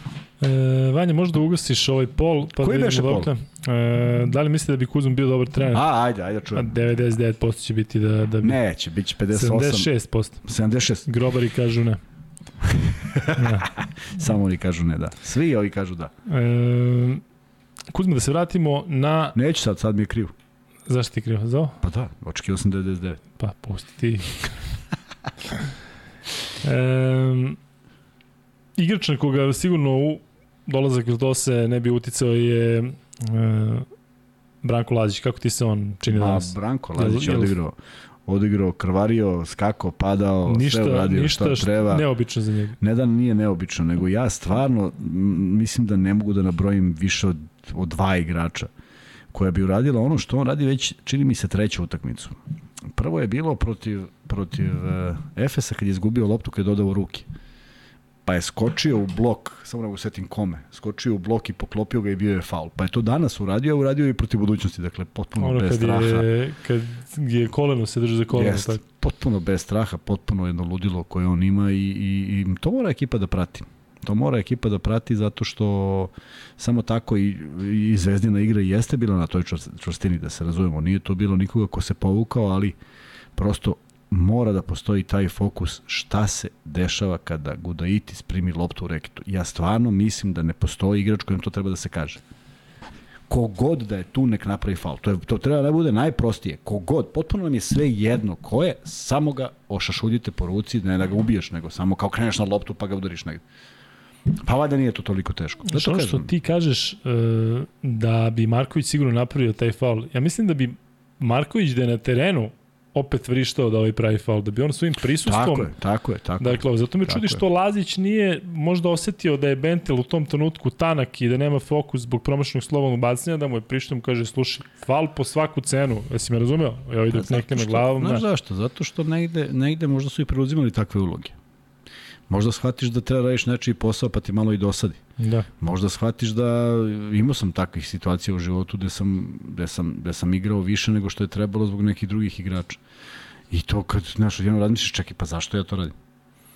Tako da, stalno treba budeš neka, neka, neka, neki, neki svetao moment na parketu, neki fokus da pokažeš, pa dobro, zašto? Aj malo i vi uključite mozak, nije to baš tako teško. Tako da, dosadi malo to igračima, a mislim da je Lazić za ovih 100 godina koliko je u Zvezdi zaista pružio ovaj, sve to što je imao i dalje će, I mislim da je ovo bila njegova odlična utakmica u svakom smislu, da skoro ne mogu da setim da li je izgubio neku loptu, ako je to jedino što može da bude. Sve ostalo što je odradio, odradio je na visokom nivou. I šteta što je izašao u onom momentu kada je bio pos, kada je imao posekotinu pa je morao da izađe. Kad već pričaš o izlaženju, piti ovde za Luku Mitrovića što nije igrao više. Da, e, to je dobro pitanje, ne znam, ne znam, ali ajmo sada kontra pitanje, o, umesto koga? Znači, Hasan Martin 12 ili 14 i Bentil 18 i ti završavaš utakmicu sa sigurnim poenima. Ko? A Luka šutira 2-1 protiv budućnosti tri puta za redom. Ko? Pa ja bih rekao ovi. Uz, uz svo poštovanje i obožavanje. rekao domaći igrač. Ne, jesam, ali govorimo sad o završnoj utakmici koju ti želiš da dobiješ. Ne, sad kao domaći, jer vidi, e, moraš da rizikuješ nečem. Ja bih vratio Mitrovića, da se ja pitam, ali ne vidim ništa loše što, je, što nije vraćen. Dakle, to nije greška. Prosto imaš na raspolaganju Mitrovića, Bentila i Hasana Martina. I ti se opredeliš i to su akvizicije. To su ljudi koji su plaćeni da donesu pobedu. Pa makar možeš kažeš i kažeš, ej, nisi odigrao dobro. A zamisli kao nije dobro odigrao, ne znam, 17. u rotaciji. Pa ne ide to tako. Prošli smo sve igrače Zvezde, Bentel, Holand, Ivanović, Lazić, Mitrović, Adams, Dobrić, Lazarević. O Lazareviću kaže. Odlično, odlično. Sve ono što je da radi, odlično. Uvek volim da je on na terenu. Sve, ja mislim da mu niko nije postigao poen. Mislim, tako mi deluje. Da niko protiv njega nije dao koš. Ne mogu da verujem da su mu svirali ono kao faul. Prosto Gudaiti se odbio od njega, jer taj dečko kad stane, on stane bez imalo straha, tako da ne volim, ne volim, ne, ne dopada mi se ta sudijska odluka i tačno ima te tri sudijske odluke koje su potpuno glupe i jedna ona i jedna ona protiv, protiv Panatenikosa kad je de facto ovaj, uh, Ivanović pipnuo loptu, ali to je još uvek dva razlike i to je 2 puta 2, 4 i to je vrlo jasno. Lazarević je jedini igrač danas koji je igrao, a nije dao koš. Igrao je 17 minuta, imao samo dva skoka i nije dao koš. Da. Zar ne treba Kuzma njega ipak malo više? Statistički. Ono što smo mi pričali za... za e, Treba koju poziciju? Zagorca, ovo što ti kažeš Da. odbrana, pa neke stvari koje se ne vide, potpuno razumem. Ali da li je potrebno Lazarević zvezdi iz kog znaš da će da uzme šest skokova, jedna ukradena, jedna blokada, sedam poena i sve. Dakle, onako malo jače od Kuriđa, Treba- zato što mislim da je fizički u mogućnosti da, da Jeste, više jeste. doprinese. Treba, treba ako je takva igra. Dakle, ako imaš negde da mu nađeš poziciju, a mislim njegova pozicija sasvim dobra ispod koša u nekoj post-up igri, a, drugačije ne vidim da bi on trebalo da bude u bilo kojoj prednosti u odnosu, osim ako nije kraj napada. Dakle, imaš ipak šutere koji su za, treba, ako uzmeš i Bentila koji kad igra na pet, igra s polja. Prema tome, ovaj, da, treba da ima, ali ne po svaku cenu. Danas se ne sećam momenta da on nije hteo da uzme šut pa je dodao loptu, prosto nije bio u poziciji. Um, ja mislim da bi bilo dobro i za njega, da on malo podigne neke cifre, zato naravno. što će on u nekom trenutku možda biti negde atraktivan nekom, a Ne, kada ne, pogleda ne zbog ovako da u atrakcije, Euroligi vrlo, nije... je, još jednostavnije, ne zbog atrakcije. Neko kad bude skautirao i vidio od njegovih šest poena u, na tri različita načina, ne može više da ga skautira i kaže, e, pusti njega, on će samo da ne znam šta. Dakle, da na svakoj utakmici natera da u onome što zna, a to je post-up igra, da neki lak poen. Čak i da izađe mimo svake akcije, da izađe i da kaže, ej, ja sam tu otvoren, mislim da je to zgodna stvar. Rekao si da ništa ne zameraš Vladi Jovanoviću, da bi možda ti nešto uradio drugačije, ali da ti nije, nemaš problem sa ovim što si video. E, kako sada sve ovo utiče na njega? Ovih, dakle, 0-2 u Euroligi, otpor Efesu, ali otpor gde si na kraju izgubio dvocijenom razlikom. Ja možda, da li možemo da kažemo dobijena utakmica protiv Panatenikosa pa izgubljena? Ne, ne možeš, ne možeš da kažeš. Pa, aj sad, možda možemo da tumačimo ovako onako. Mislim, ne, otvoreno je bilo od početka i nisam je njenog trenutka, čak i na tih pet razlike nisam vidio kao zatvoreno. Zato što petorka koja na parketu nije ulivala, bar meni nije ulivala to poverenje da imamo sigurne koševe. Ali su oni bili tanki u tom trenutku. Panatiniku sa onim Williamsom nervo, nervoznim koji pravi sve greške, stoji, koji sve, sve stoji, radi. Sve stoji. I opet smatram da je sve zavisilo od vezenih igrača. Tako je, zar ih nije Zvezda svojim greškama vratila i pozivu? Zato što, upravo kažem, zato što nema ko da uđe. Nije postojala rotacija. Mogla je rotacija Raduljica Bentil i mogla je rotacija Martin Mitrović. I to je okej. Okay. Ili Petrušev. I Petrušev. Dakle, svi, svi unutrašnji mi nisu problem, ali ih ima dvojica na terenu. Nema ko zameni Ivanovića. Pokušali su zamene Lazića Holandom. Šta se desilo? Miš da je neka velika razlika? Pa nije baš bilo nešto. Samo na gore. Pa. Možda bude razlika samo I, na gore. I, I tu je bio, i tu je bio, ko je bio tu? Ognjen Dobrić za kojeg se čekala ta jedna trojka. Dobrić da dao jednu, to je cela priča drugačija. Nije dao, nažalost desilo se šta se desilo, ali, ali ovaj, to je to. To je, to je trenutak i sada prebaciti bilo šta na Vladu Jovanovića mi ne ide u glavu, zato što on je desetkovan, on nema spoljnu liniju. Sa najavom Nedovića ko zna kada i sa problemom Markovića koji je sigurno tri zbog povrede tog prsta. Dakle, još, još će trajati taj problem. E sad, to može da sredi Vildoza. Može da sredi ako, ako nema problema u ovom dovođenju. Da je Vildoza, da znaš iz Ja ga zovem Vildoza, znamo se dugo pa ga zovem Vildoza. Ove, tako da... Zavisi u kojoj si zemlji možda. I u kom si podcast. Da, kod nas može sve. Um, Kuzma, kako ti se dopada Panathinaikos? Mm. Sad ovo što si video i ono sa Realom i ono što smo ispratili IT, odnosno što si im poslao protiv Arisa, je li ovo sada ta pobeda koja menja start sezona?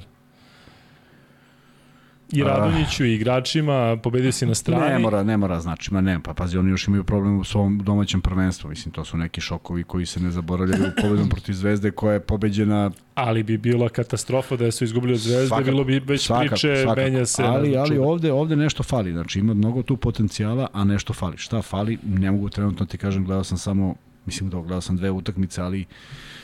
Uh, Lina, primjer, nije neko ko je pouzdan u napadu, prosto može pogodi dve pa da dva puta promaši zgradu.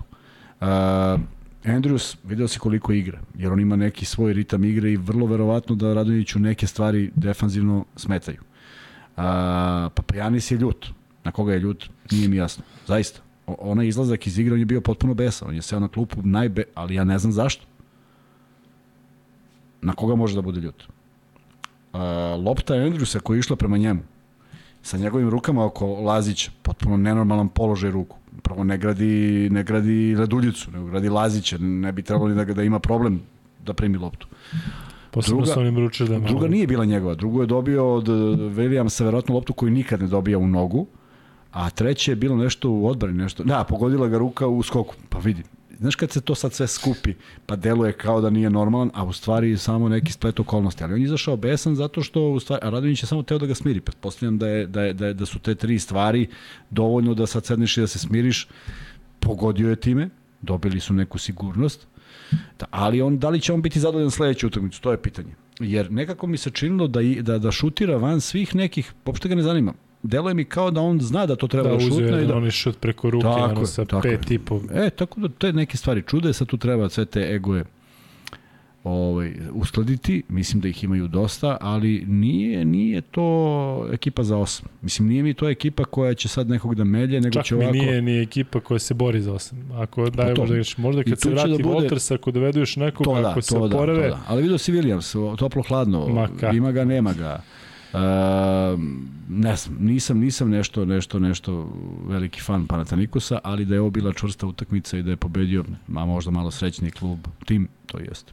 Ajde za kraj, pričao si šta Zvezdi fali, šta Panatanikosu fali, zar Zvezdi ne fali jedan Kalinić, ali ne kažem Kalinić kao Kalinić, zato što naravno da fali, ali da li fali taj igrač za kom ga znaš da će posljednji napad ide njemu u ruke? Zato što ti kada daš Holandu da šutne trojku, to tako je, je, tako je, pa nema to ti je rizik. To je pričamo, nema tih poena. Dakle... I sad u ovom sastavu Zvezde, Ajde, kad se Nedović vrati, trebalo bi da to bude Nedović. Tako, tako. Treba Ali u ovom sastavu Zvezde, ko je taj? taj treba, treba bude zdrav Dobrić sa malo zdrav više Dobrić, utakmica tako. i Nedović. I nema ko više. Ako je Marković tu, Ne, Marko, ne, Marković je čovjek koji će to da spremi. On će da spakuje to da se desi. Ali je deo toga. Da, deo je toga, apsolutno je deo toga. Mislim, meni bi on po iskustvu bio apsolutno deo bilo čega. Ja da, ja da znam da on može da izdrži, ja ga ne bi ni vadio iz igre, ali prosto u godinama je kada i ne može. Tako da a, a, mislim da je on neizostavni deo cele te priče i, i zaista peh kad, kad, što je povređen. Ali m, zaista je duga liga i preokreta će biti i svašta će se dešavati i gledali smo i prošlih i pretprošle godine, prošlih, prošlih svih sezona padove u igri određenih klubova i povrede koje su sastavni deo u ovakvom jednom ritmu, prosto bit će iznenađenje da ih bude malo, ali eto svi su pojačani sa nekim dodatnim brojem igrača, pa da vidimo kako će Zvezda i u tome da pliva. Ne zaboravi da postoji još, sad to je ono pitanje koje, koje je prevelik broj. U ovoj celoj priči gde smo spomenuli dobru igru Bentila, dobru igru Hasana Martina, dobru igru Mitrovića. Vidiš, ovde te ljudi e, imaju drugačije mišljenje zato što kažu Mitrović ima 8 poena sa 15 minuta manje od obojice. Ma slažem se, ne, ne Da li bi on imao 18 ili 20 da je, da je igrao toliko? Apsolutno moguće, ali ovde je sad izbor trenera, a sad zamisli, pa sad kontra pitanje, e, a Bentel imao 18, što je pustio Mitrovića koji imao 8? Nema to sad. Svi su odigrali dobro. Svi su odigrali dobro. I Bentil na kraju nije grešio. Ali je bio poslednjih nekoliko minuta izgubljen. Vidio si ono kad se okrenuo posle rollinga pa mu ispala lopta, pa onda nešto prilazi sudijama pa, e, pa je u e, nekom to je ono, To je ono moje pitanje. Da li ćemo sada da gledamo košarku, to jest zvezdu, u kojoj u kritičnim momentima na terenu imamo Petrušev, uh, Ilić, uh, Dobrić, uh, Ivanović i, i, i Lazarević. Pa nećemo, jer to smo mogli i bez ovih. Dakle, da zato si doveden, sada pa bude ja, to. Pa ja to tako vidim. Ali zar ti nije delo, delovao, vidim da nije, ali meni je delovao Bentil u nekom trenutku kao Papa Janis. Pa delo dakle, on ponekad, pogubljen. znam. Samo je on... Radonjić ovog izvadio, tako. pa se ovaj ljutio, a Bentil je ostao na terenu. E, vidi, Ljudi ovdje komentarišu da se on nešto smeo na kraju da ne shvata koliko je ovo Ma veliki ne, pa poraz. Adams, Adams ne razume ništa. I ovaj... pritom govori kako su Holland i Andrews se nešto sprdali na 5 sekundi pre kraja, oni su iz burse, ekip, ovaj tandem, prošle godine igli zajedno, drugari, Kad sve. kupuješ igrača, njegove sportske, košarkaške kvalitete, kupuješ i to. Mi to ne možemo da razumemo. Njima je sve šala šega. A treba neko da mu objasni. Ne vredi, ne vredi, mislim da ne može. Mislim da ne može. Možda prob. Pa možda, možda večeras pričaju. Da sedi neko sad snima on. Hoću da kažem da ne treba biti ciničan i pričati, zaista, zaista mislim da nije napravio, zato što uh, izbor, izbor između pet dobrih igrača koji su na ovoj utakmici bili, svih, svi, cela centarska ekipa. A tebi još fali Dalibor, Dalibor Ilić. A šta s njim? Nije, Pa do, prosto, nije bio prosto, 12. Pa da, prosto nema mesta. A zamisli, fali ti još jedan igrač koji je sigurno treba da se prilagodi na zvezdu i sigurno će on igrati sve više i sve bolje i ne sumnjam da će on već u sledećem sastavu biti na parketu, ali šta i kad i on odigra dobro, a tebi nedostaju poeni s polja. Pa se na to da doveže još Lazarević koji opet igra iznutra. Pa Čekajte ljudi, a ima neko da ubaci. A nemaš de facto ko? Imaš Ivanovića, imaš Adamsa koji igra u nekom svom ritmu, imaš Dobrića koji je danas šutnuo dovoljno i šteta što nije samo u svom najblesavijem procentu, pa je to već možda pobeda zvezde, i onda čekaš Nedović. I čekaš Marković. To su ozbiljna čekanja u ovom trenutku. Malo li je bilo što se čeka Nedović, pa sad još mora i Marković. Ja i dalje stojim pri onome da uh, je bolje da si doveo jednog vrhunskog igrača A, tipa je, Beron znam. ili tako neko, Luka, nego da ti znam. gomilaš nekoga i onda bi ne bi imao problem, recimo kada bi doveo nekoga na poziciju Topić, ne bih imao problem da mi taj koji je bomba igra 33 minuta, a Topić da uđe 7 i da to bude ta veza. Znam da ti ovde kažeš. sad imaš toliko igrača da više ne znaš. Evo sad da su svi, svi da su zdravi Kuzma. Koga bira Jovanović? Svi su mu zdravi, na bekovskoj liniji. Tu je Marković, tu je i Nedović. Ko, ko igra? Pa sad nema, to- mene ako pitaš u najboljem, u najboljem nema Adamsa. I nema Topića, verovatno. U Što Euroligi. si dovodio onda Adams? Pa ne znam. Tek je početak sezone. Zato kažem, Pa, pa, ali- Adamsa. e, Adams vidi, je doveden da bi bio ono što je bio u Sidneju. Ni Adams doveden da bude ej, backup. okej, budi ono što si bio u Sidneju. Znači, kreneš na ovu utakmicu i babara, babara, babara, babara, babara i završiš sa 17-0. I svi kažemo, ok, probao si, pokazao si nešto. Ne možeš da igraš utakmicu sa nula šutnutih lopti i da kažeš, u, u, u, kako smo sigurno igrali. Pa ne očekuje se to od tebe. I ja mislim da su mu svi rekli da se to od njega ne očekuje. A on kreće svaki naš, svaki naš, svaki zvezdni napad, kreće sa u 20 sekundi. Ma malo je vremena. I onda dođe do problema u piku i šta se desi? Hvala Nikoli Ivanoviću za donaciju. E, Nikola Ivanović, neko vreme te nije bilo bar ovde u čatu, pa smo se... E, znaš koliko ima sad Nikola Ivanović? Da Zabrinuli. znaš. Šta koliko Ima ima? trojicu Nikola Jovanović. Mislim da je ovo naš ovaj Nikola koji je Jel brat, zajedno sa jel Aleksom brat, prvi. jel brat, Pa ne znam, pita, jel brat, pitam ja, šta će kaže. napisat će. E, hoćemo Kaže mi, kaže mi? Lazar, kaže mi Lazar da ne zaboravim da te pitam za Ognjena Radošića. Koga? Tebe. Za Ognjena Radošić? Jeste. Ne se setim ko je to. E, Mateja se javio sam 2006. mi- godište.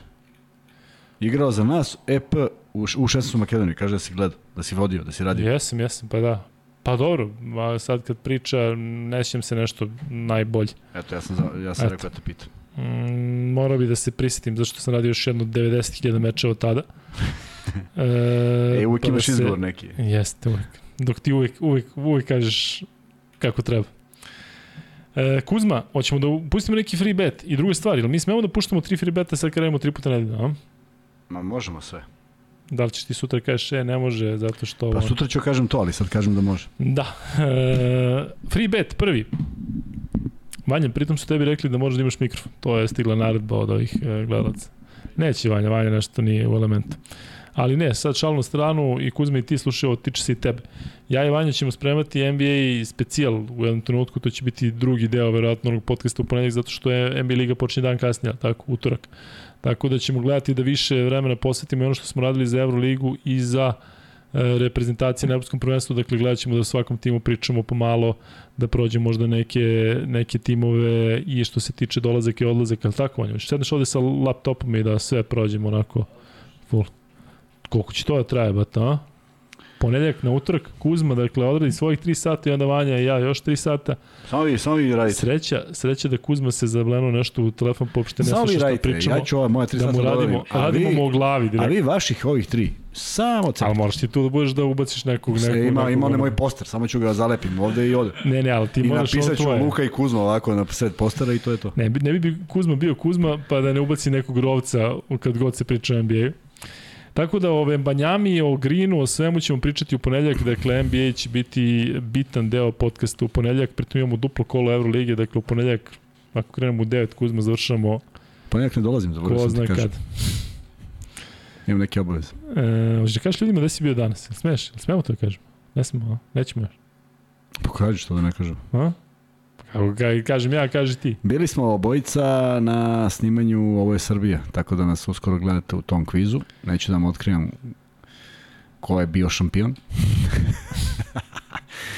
Ali bilo je zanimljivo i simpatično Smo, i- povredili neke one delove ugovora. Znaš smo potpisali tamo nešto. Ma nisam. Gasio Vanji, vrati delay 5 minuta da ovo ne.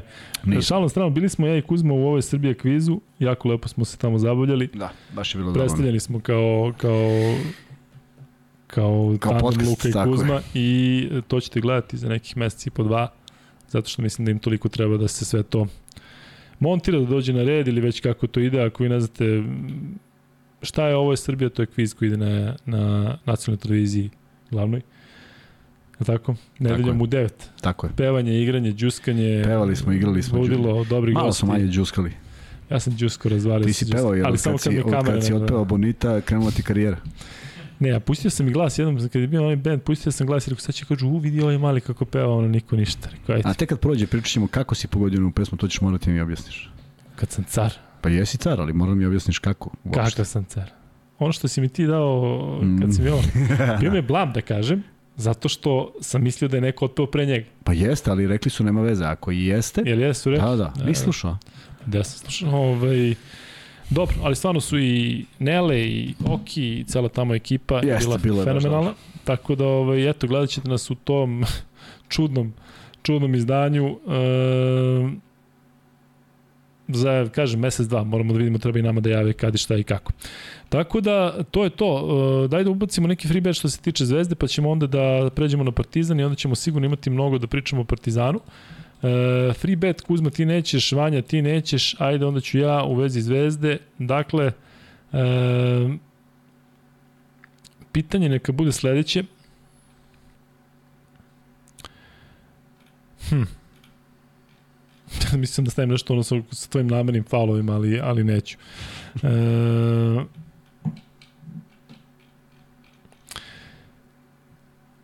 Ajde neka pitanje bude nešto što ste vi e, ovde pisali, pa smo mi, odnosno ja sam malo komentarisao, dakle, kako se zove pomoćni trener Crvene zvezde koji radi ovog leta sa Pešćem u reprezentaciji, a pominjali smo ga tokom ovog podcasta. Dakle, ko prvi odgovori, dobija free bet. Evo već ukrenuli odgovori, znaš prema, Bentil 18, Bentil 75, 77, 18 Sarcaris. Već otkucam. Ali Vuk Pop je stavio Carcaris. Ti si car, majke moja, ne znam šta bi trebalo... Da, ne znam šta bi trebalo da se desi, pa dođemo da se sećaš Carcaris. Kako da ne? Sigurno protiv njega, Yes. To je onaj určkani kosa. Pa Šta, šta sam mogu da, da, da postavim pitanje da bude Carcaris? A ko ima frizuru kao kao Neša Ilić, nije Neša Ilić, nismo pominjali Nešu Ilića danas, pominjali smo neku drugu, Simonić. Nenad Jakovljević, kaže Aleksandar Rajčić, imamo dobitnika, nije Vuk Grbić. Vuče, deli si? vuče desi.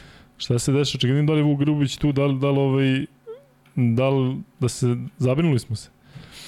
Ali, e, definitivno je prvi odgovorio, Vanja, ti ćeš mi ispraviti, ispraviti ako grešim, dakle, čekaj, evo ga i Nikola Arsić. A da, Aleksandar Rajčić, Aleksandar, ako ne znaš kakva je procedura, rećemo ti sada, dakle, da bi dobio free bet od 1000 dinara, možeš da pošalješ ID Max Beta na Luka i Kuzma Instagram. I Sa imenom koji je vlasnik naloga. Ne ko je pogađao, nego ko je vlasnik naloga da bi dobio. A koliko je bilo već problema? Ne Dobro mnogo. Dobro, ali dešava se. Dešava se. Samo da ne mogu, neko ima svoj nalog. Dakle, ako, ho, ako nemate vaš nalog, onda A, ne, na najbolje drugi... da otvore nalog. Otvore nalog. Otvori nalog na Ne, svojim. pa treba, treba ide ide pa ovaj dok dok ovaj pošalju mail pa da upišeš sve one poda... traje neko vreme i mogu da te da te da budeš na čekanju. Dakle, ako postoji nalog na koji hoćeš da primiš free bet, daš ime i prezime te osobe. Da, samo pošalješ ti svojim imenom na Luka da. i Kuzma taj uh, Max Bet ID nalog. Uh, dobro. Uh, hajde da idemo dalje. Kuzma. Da pređemo na Partizan. Dakle, Partizan igra sutra protiv Baskonije, svoj drugi meč u Euroligi. I taj meč počinje od 20.30. Baskonija je ekipa koja je u prvom kolu pobedila Valenciju i to je jako bitna pobeda za njih zato što ja mislim da ove sezone nemaju neki roster za top 8 a opet sa druge strane vrlo moguće da bi mogli da budu i neki Izvini, šta je? Samo da vas ispravim, nije emisija Ovo je Srbija, nego ja volim Srbiju. Tako je, ja volim Srbiju. Ovo je Srbija je neki ono Hvala Mateja. ja volim Srbiju jeste Pa mi ne da smo povredili, ne da smo povredili, nismo povredili u stvari Nismo, onaj mi ugovor pričali nekoj drugoj tako, emisiji. tako da dobro smo se izvukli. Baskonija je za vikend izgubila od Tenerifa. Jesi znao to Kuzma? Kako da nisam? Sad, sad sam čuo. A znaš ko igra za Tenerife? Igra Neki tvoji omiljeni igrači. moj omiljeni, ili igra Da. Pulen. Ne igra Šermadini, ti voliš Šermadini. Šamadin je opasan ludak. Uertas igra, Marcelinho, Da? Pa dobro. igra Sasu Salin, i- igra i Donekamp, ima Elgin Cook, Ma nema, otišli tamo lepo vreme stalno, pa otišli da uživaju malo. Bruno Fittipaldo, Kukulela, on je Uruguajac. E, I dobro, pusti Tenerife, ne znam Luka šta si se raspričao o Tenerifama.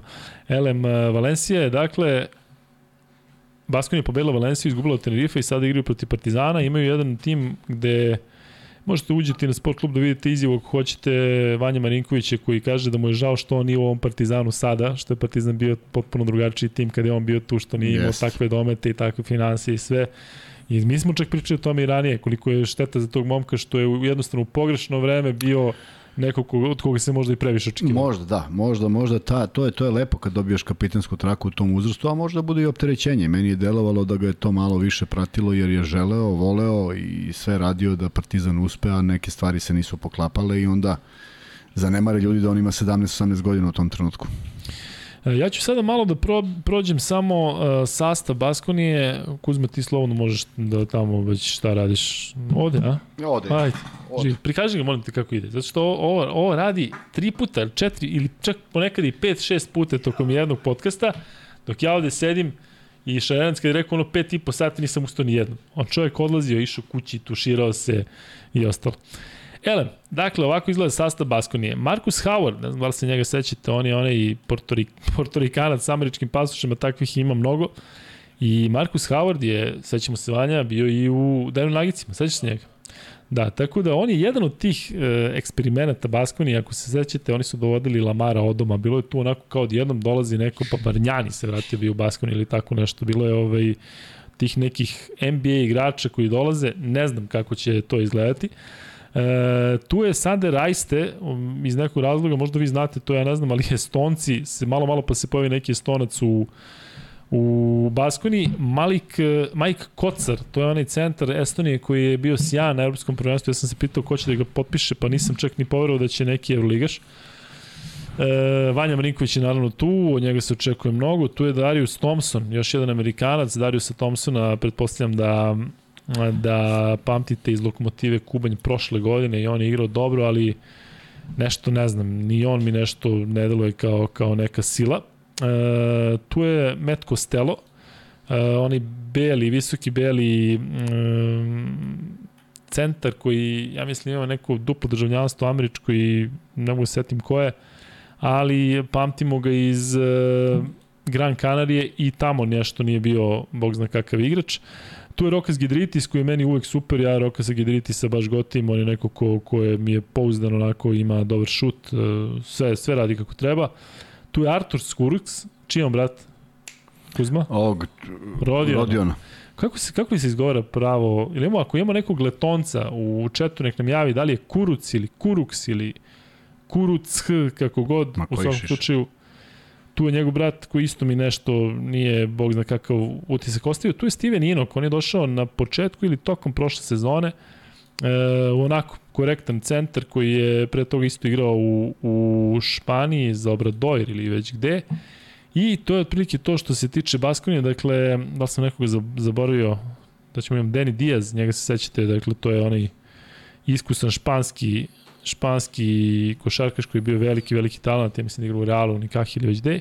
I to je momak o kome moram priznati da ne znam mnogo, reći o Daltonu Holmesu, koji je e, igrao u nekoliko NBA G timova i moram priznati da ga nešto nisam ispratio, čak i ove, uh, ovi njegovi koleđi nije nešto što, što, što sam zapamtio. Tako da Baskonija Kuzma nema neke super zvezde. Nema, ali što su, nije loše. da, ali da su tako, pobedili ne mora, Valenciju. Ne mora da znači da je loše. Ne mora da znači, naravno. Da, može se napraviti tim od toga i zavisi koje su ima ambicije. I kažem, I Penjero im je trener, o njemu imam najbolje mišljenje. on je iz Valencije uvek- prešao, tako? Tako je, da. Tako da nekako ovaj, vidiš da smo znali da ljudima savjetujemo za free bet da igraju to Valencija Baskoni, da igraju na Baskoni zašto je trener Valencije novi trener Baskoni, Da. tako da Da.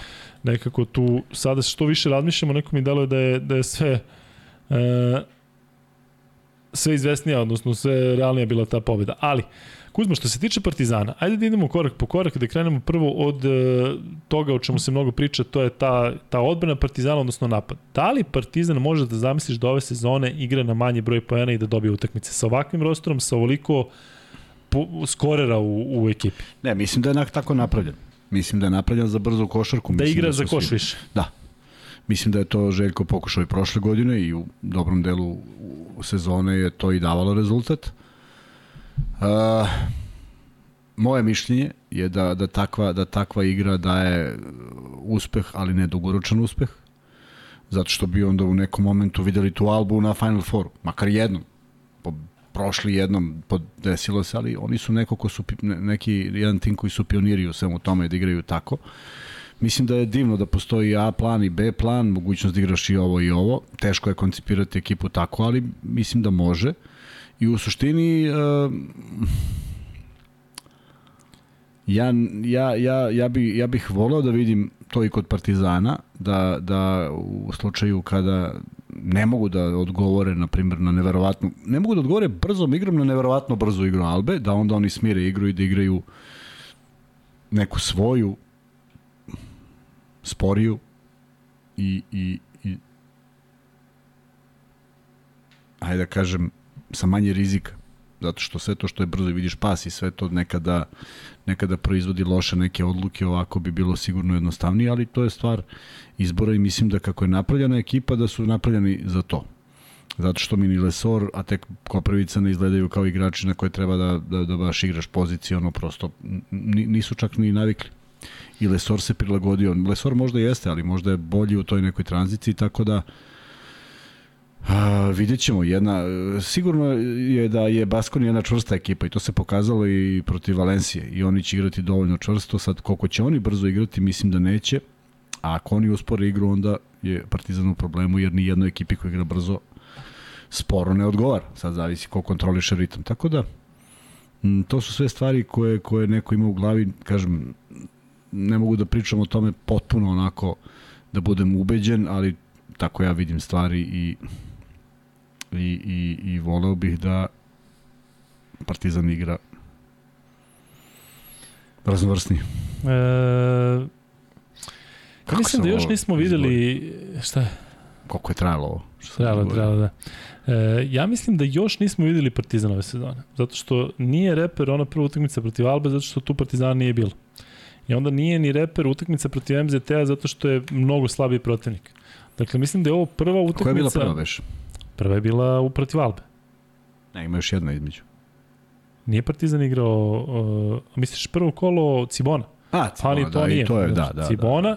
imaš Cibonu, pa imaš uh, Albu, gde je da. sve išlo nešto da. naopako, pa imaš MZT.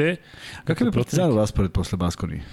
Sad ćemo vidjeti, ali generalno mislim da je ovo ja, možda ovo, ovo je i bitnija utakmica koja onako nego što deluje, zato što Partizan koliko, koliko smo, sad ćemo da, uključimo raspored ili koliko smo gledali ranije, nije baš u situaciji da se nešto vadi posle, uh, seća se da dolaze Armani i Virtus, to se sećam da dolaze u u Beograd. Pa dobro, to su to ipak mnogo bolje varijante nego gostovanje u Baskoni i Madridu, tako da to, to ne zvuči loše, ali e, zaista... Izvini, Baskoni je Partizan, Partizan studentski centar pa onda Partizan, Armani, Partizan Virtus u ovom du, duplom kolu. Dobro je, super što su u Beogradu. Onda Monar Partizan, pa Partizan Žalgiris. Opet treća kod kuće. Tako je, pa, pa da. Partizan Mega Basket, e onda pazi šta onda sledi Partizanu. Gostovanje Panatenikosu, govorim samo o Euroligi.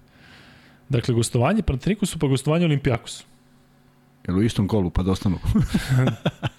Nije protiv... Uh, Panathinaikos igri u 3. novembra, a protiv e, Olimpijakosa 10. novembra. Pa onda Parta, Partizan Makabi, pa pazi ova gostovanja. Barceloni gostuješ, pa Realu gostuješ. Duplo kolo. Laganica. I zbog toga mislim da je ovo najvažnija utakmica u prvom delu sezone za Partizan. Svaka je važna, pogotovo što bi, što bi, što bi napravili break. Dakle, ti, ja kažem, kad bi Zvezda i Partizan došli do 14-14, to je 14-14. Ne, 17, da, ali neko 17. ti, je rekao, neko ti je rekao da nije to merodavno zato što su oduzete pobede zbog Rusa. Dakle, da to tih na, na, u stvari je bez ruskih pobjeda. Kapiraš ono što si iščitao ti? Šta je bez ruskih pobjeda? skor koji si čitao prošlogodišnjih ovih Final Four i prvih četiri što si čitao, ovi imaju 18, ovi imaju 17, ovi imaju 19 pobjeda. Sećaš se? Sećam se. Pa da, to je oduzeto su pobjede protiv ruskih timova. Kapiraš? E, kapiram. Pa šta si onda se pogubio? Uh, nisi se pogubio, nego samo hoću da vidim... Neće okay. ti, nećeš ti imati 30... Sad ćemo da Ne, već idemo na sezonu pre, uopšte nije važno. Mm, da. 24. Nismo otišli na 38, nego na 24. Ovde smo na 21 Barcelona, ovde je 24 Barcelona. Samo tri razlike. Tri pobede razlike. Da. Znači, slažem se, da, ono je bila skraćena tabela, ali 24-10. Ja mislim da će ove godine 22 biti dovoljno za Final Four. Evo i ovde je 21 dovoljno bilo za, za prva četiri mesta. Pa eto. Znači da. može čak i 20 da bude dovoljno. Što se sve približava nekoj sredini. 17-17 sredina, tako? Da. E, Viktor Lazarević pita gde i šta radi Chase Badinger. E, Sećaš njega, Vanja? Bravo, Vanja. Prenosim ja odliku na pesku prošle godine. I pojavljuje se ko? I pojavljuje se Chase Badinger. Pa čoveče. Je. Čovjek koji je prešao sa košarke na profesionalnu beach odbiku. Odbiku na pesku. Ok, pa ima onaj odrez, znaš, skoči i igra na tom najvišem nivou, to je najviši nivo, da igraju dvoje, dva, dva, dva na dva si. Ovaj, ali ne znam šta treba da se desi, ja razumijem da je Will Chamberlain, znaš da je Will Chamberlain posle svoje košarkaške karijere imao super odbojkašku karijeru, nešto obarao rekorde u odbojkaškoj američkoj ligi. Si znao to? O da, da, ili, ili u grupu, dobro, ima, postoje fotografije gde leti ono iznad mreže, zabija. Ovaj, ali ovo sa, za Chase mi nije, priča mi nije jasno. Ali dobro, eto, odgovorili smo i na to pitanje.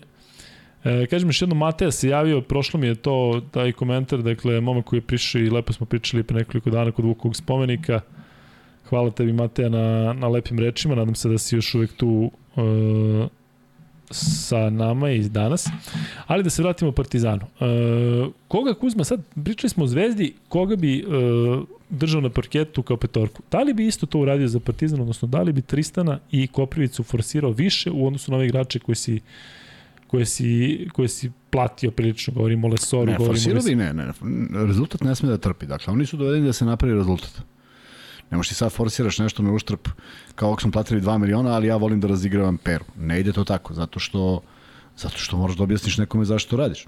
Oni su u krajnjem slučaju došli da donesu rezultat. Tebe interesuje rezultat. Uz sve ono što te interesuje, a što, što svaki trener voli da radi, to je da izbaci nekog novog igrača. Ja mislim da će uh, i Koprivica i Tristan Vukčević tražiti svoju šansu pre svega kroz Jadransku ligu. Ne zato što omalovažavam to takmičenje, zato što je to prosto logičnije nego da budu u Euroligi. Drugačiji ja očekujem su... da jedan od njih baš lepo iznenadi u Euroligi. Da dobije možda neke minute da iznenadi. Delo mi da su oba, može u nekom, obojce su nasetovani. Može da, u da nekom to... momentu, ali ako očekuješ to u Baskoni, da. sumnjam. Mnogo očekujem, a? Da.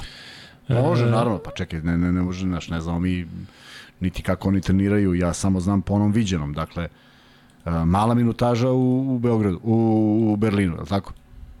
Da, za, pa, za obojicu, da. Pa, znači, Počeli su petorci pa, znači, ne, da. nešto, nešto, je, nešto, je, nešto je drugačije, tako da očekivati sad veliku razliku može, može da se desi da on za 8 do 10 do 12 minuta odigra neuporedivo bolje sa 6 pojena, 5 skokova, to da, ali da, da će provesti na parketu nešto, prosto mislim da je teško. Kuzma, da se vratimo na ono, a vi postavljate pitanje u vezi Partizana, pa ćemo pričati o tome usput. E, da se vratimo na ono sa početka. Koliko treba imati strpljenja za Kevina Pantera uopšte, a posebno za Kevina Pantera koji je šuterski loš ušao u sezonu? Što nema strpljenja za njega? Šta? Ne razumijem, što nema strpljenja? Ne, pa šutira loš. Što šutira loš? Jedan od sedam, jedan od pet, pritom su mu pa ozbiljni. Pa dobro, šutirao i od 7 od 7, pa mislim bilo sve u redu. Pa da, ali koliko ga čekati? Čekati ga dok se ne vrati u forum. Nije, nema šta, misliš u kom smislu da ga čekaš, šta ga zakucaš za Pa što to ne važi za Adamsa? Ne važi, zato što ja bih volao da on šutne 7-1. Pa znamo da je šuterska forma. Ali on šutne 0-0. Pa ne znamo šta je. A znači da je do njega. Nek sledeću utakmicu šutne 1-7, pa jel bi ti rekao okej okay onda? Ja bih rekao okej, okay, probao čovek, probao da reši utakmicu. Glupo je, ali je probao. Da li on protiv budućnosti je nešto probavao? Šta je probao? Neke sulude stvari. Pa, ok, onda mu ja misliš kažeš, šefe, ovo je suludo, aj sad nešto drugo ako možeš pametno. Ako je sad ovo odgovor na to, onda ne valja. Ja nemam problem da mi Panter uzme sedam, nemam problem ni sa jednim šutem Dobrića do onih posljednjih, ona dva šuta preko ruke. Zašto su bili iznuđeni jer je kraj napada. Tri puta je Dobrić uzeo trojku ja nemam problem ni sa jednom trojkom. 6-0 da ima Dobrić, nemam problem ni sa jednom trojkom. 104-0 verovatno ne bi dočekao jer, jer onda nisam ja normalan. Ali to ide sve u, u sve to ide u rok službe. Panter kad uzme 7-1 iz svojih pozicija, ti, koliko si puta gledao Željka Obradovića kad mu igrač promaši i prođe pored njega, a on baš, baš ga izbodri, da sledeći put uđe. A kada... mi smo prvi kritikovali Pantera prošle godine kada on šutira trojke preko ruke kada treba da je nađe neko drugo rešenje, odnosno da krene na prodaj. Ja govorim iz pozicije, to nije bila pozicija. Dakle, ja sam ubeđen da, da Željko Obradović nije rekao Panteru na kraju protiv Burse idi majke ti šutni šta god. I opet ga znam dovoljno dobro da nikad neće reći ja sam mu rekao on to nije uradio. Pa je onda on prećutao to i rekao ok, idemo dalje. Ne možeš iz glave koliko si puta igrao protiv Željka? Je bilo desetak puta? Nisam, a kakvi, kakvi desetak? Pa u Grčkoj i buduć, budućnost. Pa jeste, tri, tri u ovo i dva u Grčkoj, pet. I to je to? Uh mhm. -huh. I koliki ste ti skor sa Željkom? 2-1... A, šest puta. Šest puta, tako je, šest puta. I? 2-4. Pa dobro, nije loš. Uopšte nije loš. Gde je loš? Jedna, jedna ta u kupu i jedna budućnost. 6, 18, ne znam koliko sam dao. U kupu ili? U play-off. A koliki ti je e, rekord u Euroligi? Mislim da je 17. Nisi prebacio 20? Nisam. A koliki ti je bio prosek? 8, ja mislim. Jedne sezone 8, druge 5. A malo li? A? Pa ja mislim ja da nije malo. U ono, u, ono vreme, u ono vreme je bilo malo. Sad i nije. U ono vreme je bilo malo. Više, na manji broj pojena. Više ljudi bre na 20 i nešto. Ko je išao? Išao Rakac, išao Bodiroga i išao. Imamo si Tomašević, imamo si Topić, imamo si da. Bodirogu, imamo si Majersa, imamo si Đorđević, imamo si Karnišovas, imamo si bre plejadu igrača koji su išli na 20. Obećavam da ćemo se vratiti na Partizan samo dok je ovaj, dok je ovo... A, Jesi igrao protiv Forda? Jesi ti zakačio Fon sa Forda? Jesam u prijateljskoj utakmici jednoj.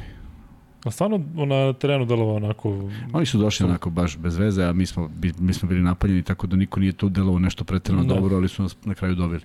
Međutim, jeste bio, bio nevjerovatan. Um, Uh, Carlton Myers, apsolutno, broj jedan. Da, njega stalno da, pominjaš, da. da. Pa, prosto ne, ne znam šta radiš uopšte. Čuo si ga pa te napunio, prizni. Uh, 16. u prvoj, š, osam i slobodnih bacanja, dakle, četiri, četiri šuta za dva i osam sa slobodnih bacanja i u revanšu 22, baš me napunio jer su me sudije ubacili u takav problem, svaki put su me svirali u kontaktu, faul i koš. Čemu je tri, Kuzma tri priča o sudijama loše u svim epohama, znaš. Dakle, ne znam da li ima jedna epoha tipa da kažeš 70-ih su sudije bile full, dakle. A? Bi, kad sam bio mlad, kad sam bio dečko.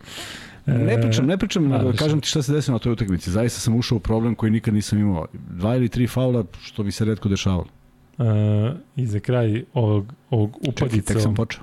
Carlton Myers, Danilović, se sećaš njihovog sukoba kad su se pesnički da, da, da, da, tim da, sistem? Da, da, da, da, pa bili su pa ozbiljno, ozbiljni predvodnici, da. ozbiljno dva kluba. Potpuno ludilo.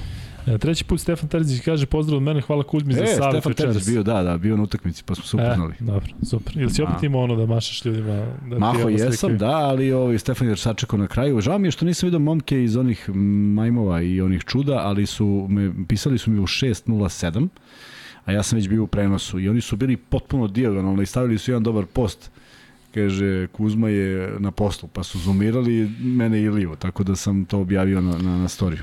E, šta beše story? Story je ono što 24 sata se vidi i nikad Jeste, nikad više A neko ti ovde rekao, kaže, reci Luka Kuzmi da stavi taj neki, kakav ima story, pa to kao stoji. Highlights. Highlights. Ali to ne znam kako se uradi uopšte. Ne, kažu istaknuti. To je Nikola Ivanović pričao. Istaknuti. Istaknuti, ja. A 100%, on mi pisao danas. Ali džab. E, ja kad uđem u to samo gledam ko bles. Da se vratimo na Partizan. Dakle, Partizan e, proti Baskonije, gde traži svoju šansu Kuzma? Šta je igra Partizana koja može da dobije Baskonije u Španiji? Dakle, da li je bitno da, e, naravno da je bitno, ali koliko je u stvari bitno da protiv recimo Baskonije nema te katastrofalne prve četvrtine što se tiče broja poena ili celog prvog problema da ti neko da 60 poena kod kuće pred svojim navijačima, znamo da je tamo atmosfera isto onako jedna od pozitivnijih u, u Euroligi gde sigurno imaju navijače tokom celog meča na svojoj strani. Šta je za Partizan bitno? A, prvo neće naći na ekipu koja igra već dugi niz godina u onakvom sistemu i sa onakvim procentima, kakva je bila Alba. Već tu, tu će sigurno biti lakše. Igraće sa ekipom koja je skromnijeg uh, skromnijih mogućnosti u tom vidu košarke, igraće nešto drugo što Partizanu može da odgovara, a da onda oni pretrče Baskoniju, pošto mi deluje da su za to kadri. Međutim, uh, E, pro, problem, uslovno rečeno problem koji nastaje kod, kod takve odbrane uh, kada, kada igraju tom brzinom i kada igraju tim intenzitetom, to mora da funkcioniše kao jedan, kao jedan sistem. Dakle, dvojica koja se pomere moraju da pomere ovu trojicu. Jer ako ne pomere, onda se ništa nije desilo. I to je bila najveća, najveća ovaj, greška gde su, gde su u utakmici protiv Albe koja igrala van serijski brzo kasnile te uh, rotacije i dobijali su za epilog mnogo otvorenih šuteva. Ja mislim da Baskonija nije takav tim.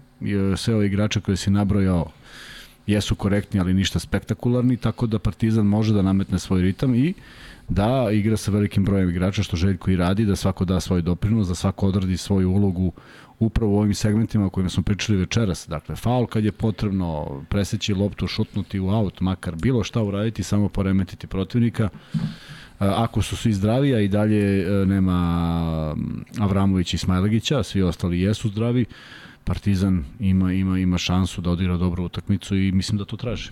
Pazi, Stefan Terzić kaže Luka pusti Kuzmu da odgovori.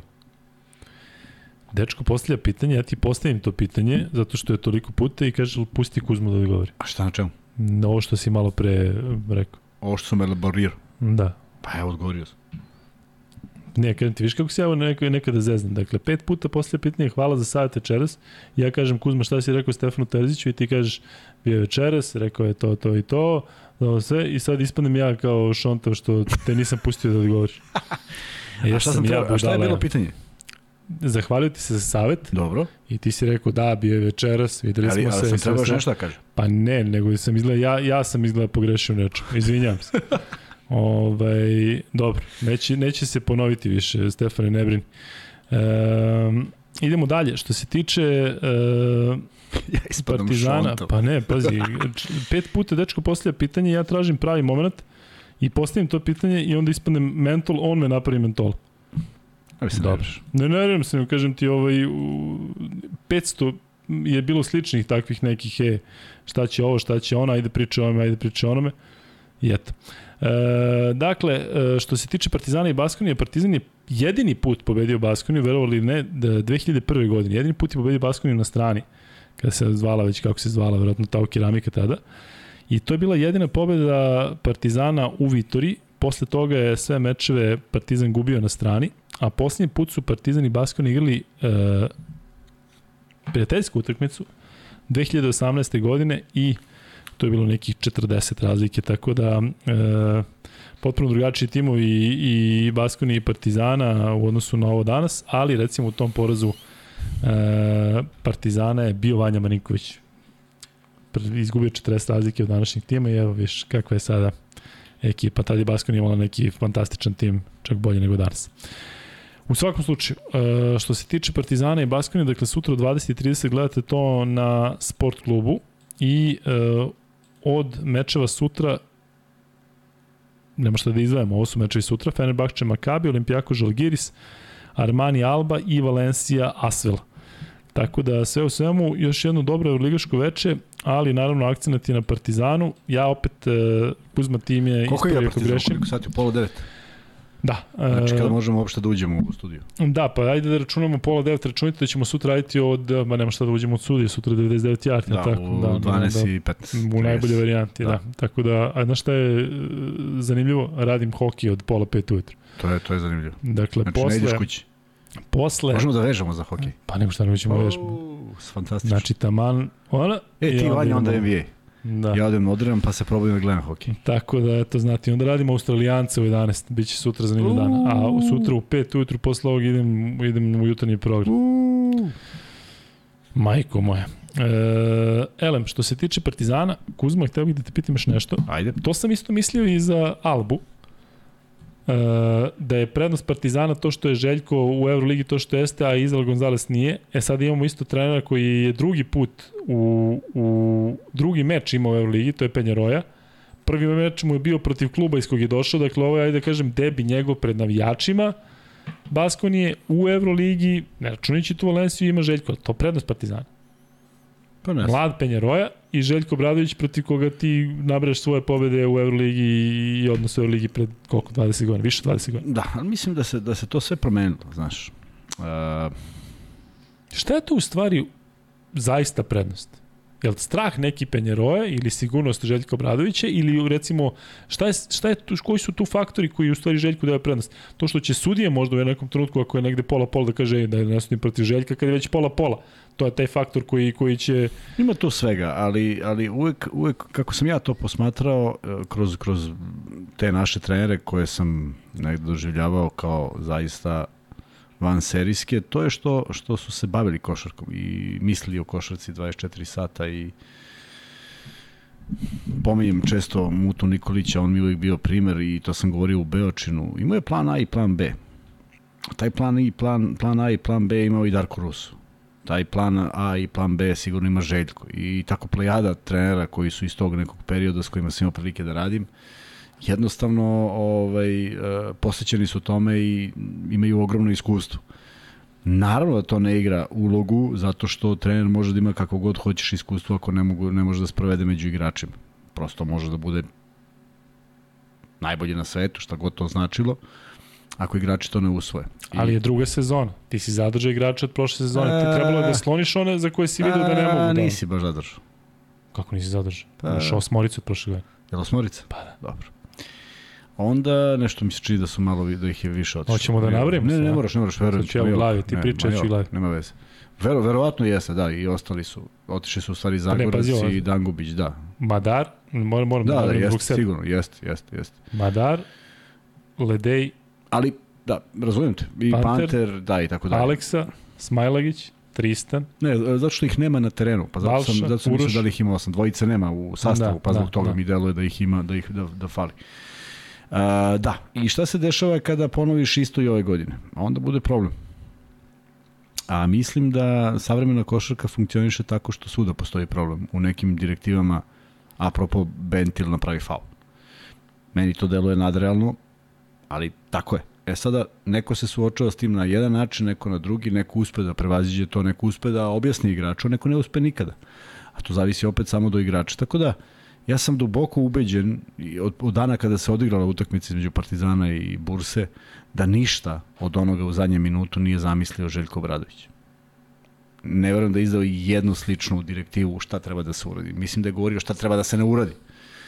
Tako da i onda, onda dođeš u poziciju da se priča Alimpijević pobedio Obradovića, što de facto jeste tako, ali na osnovu čega?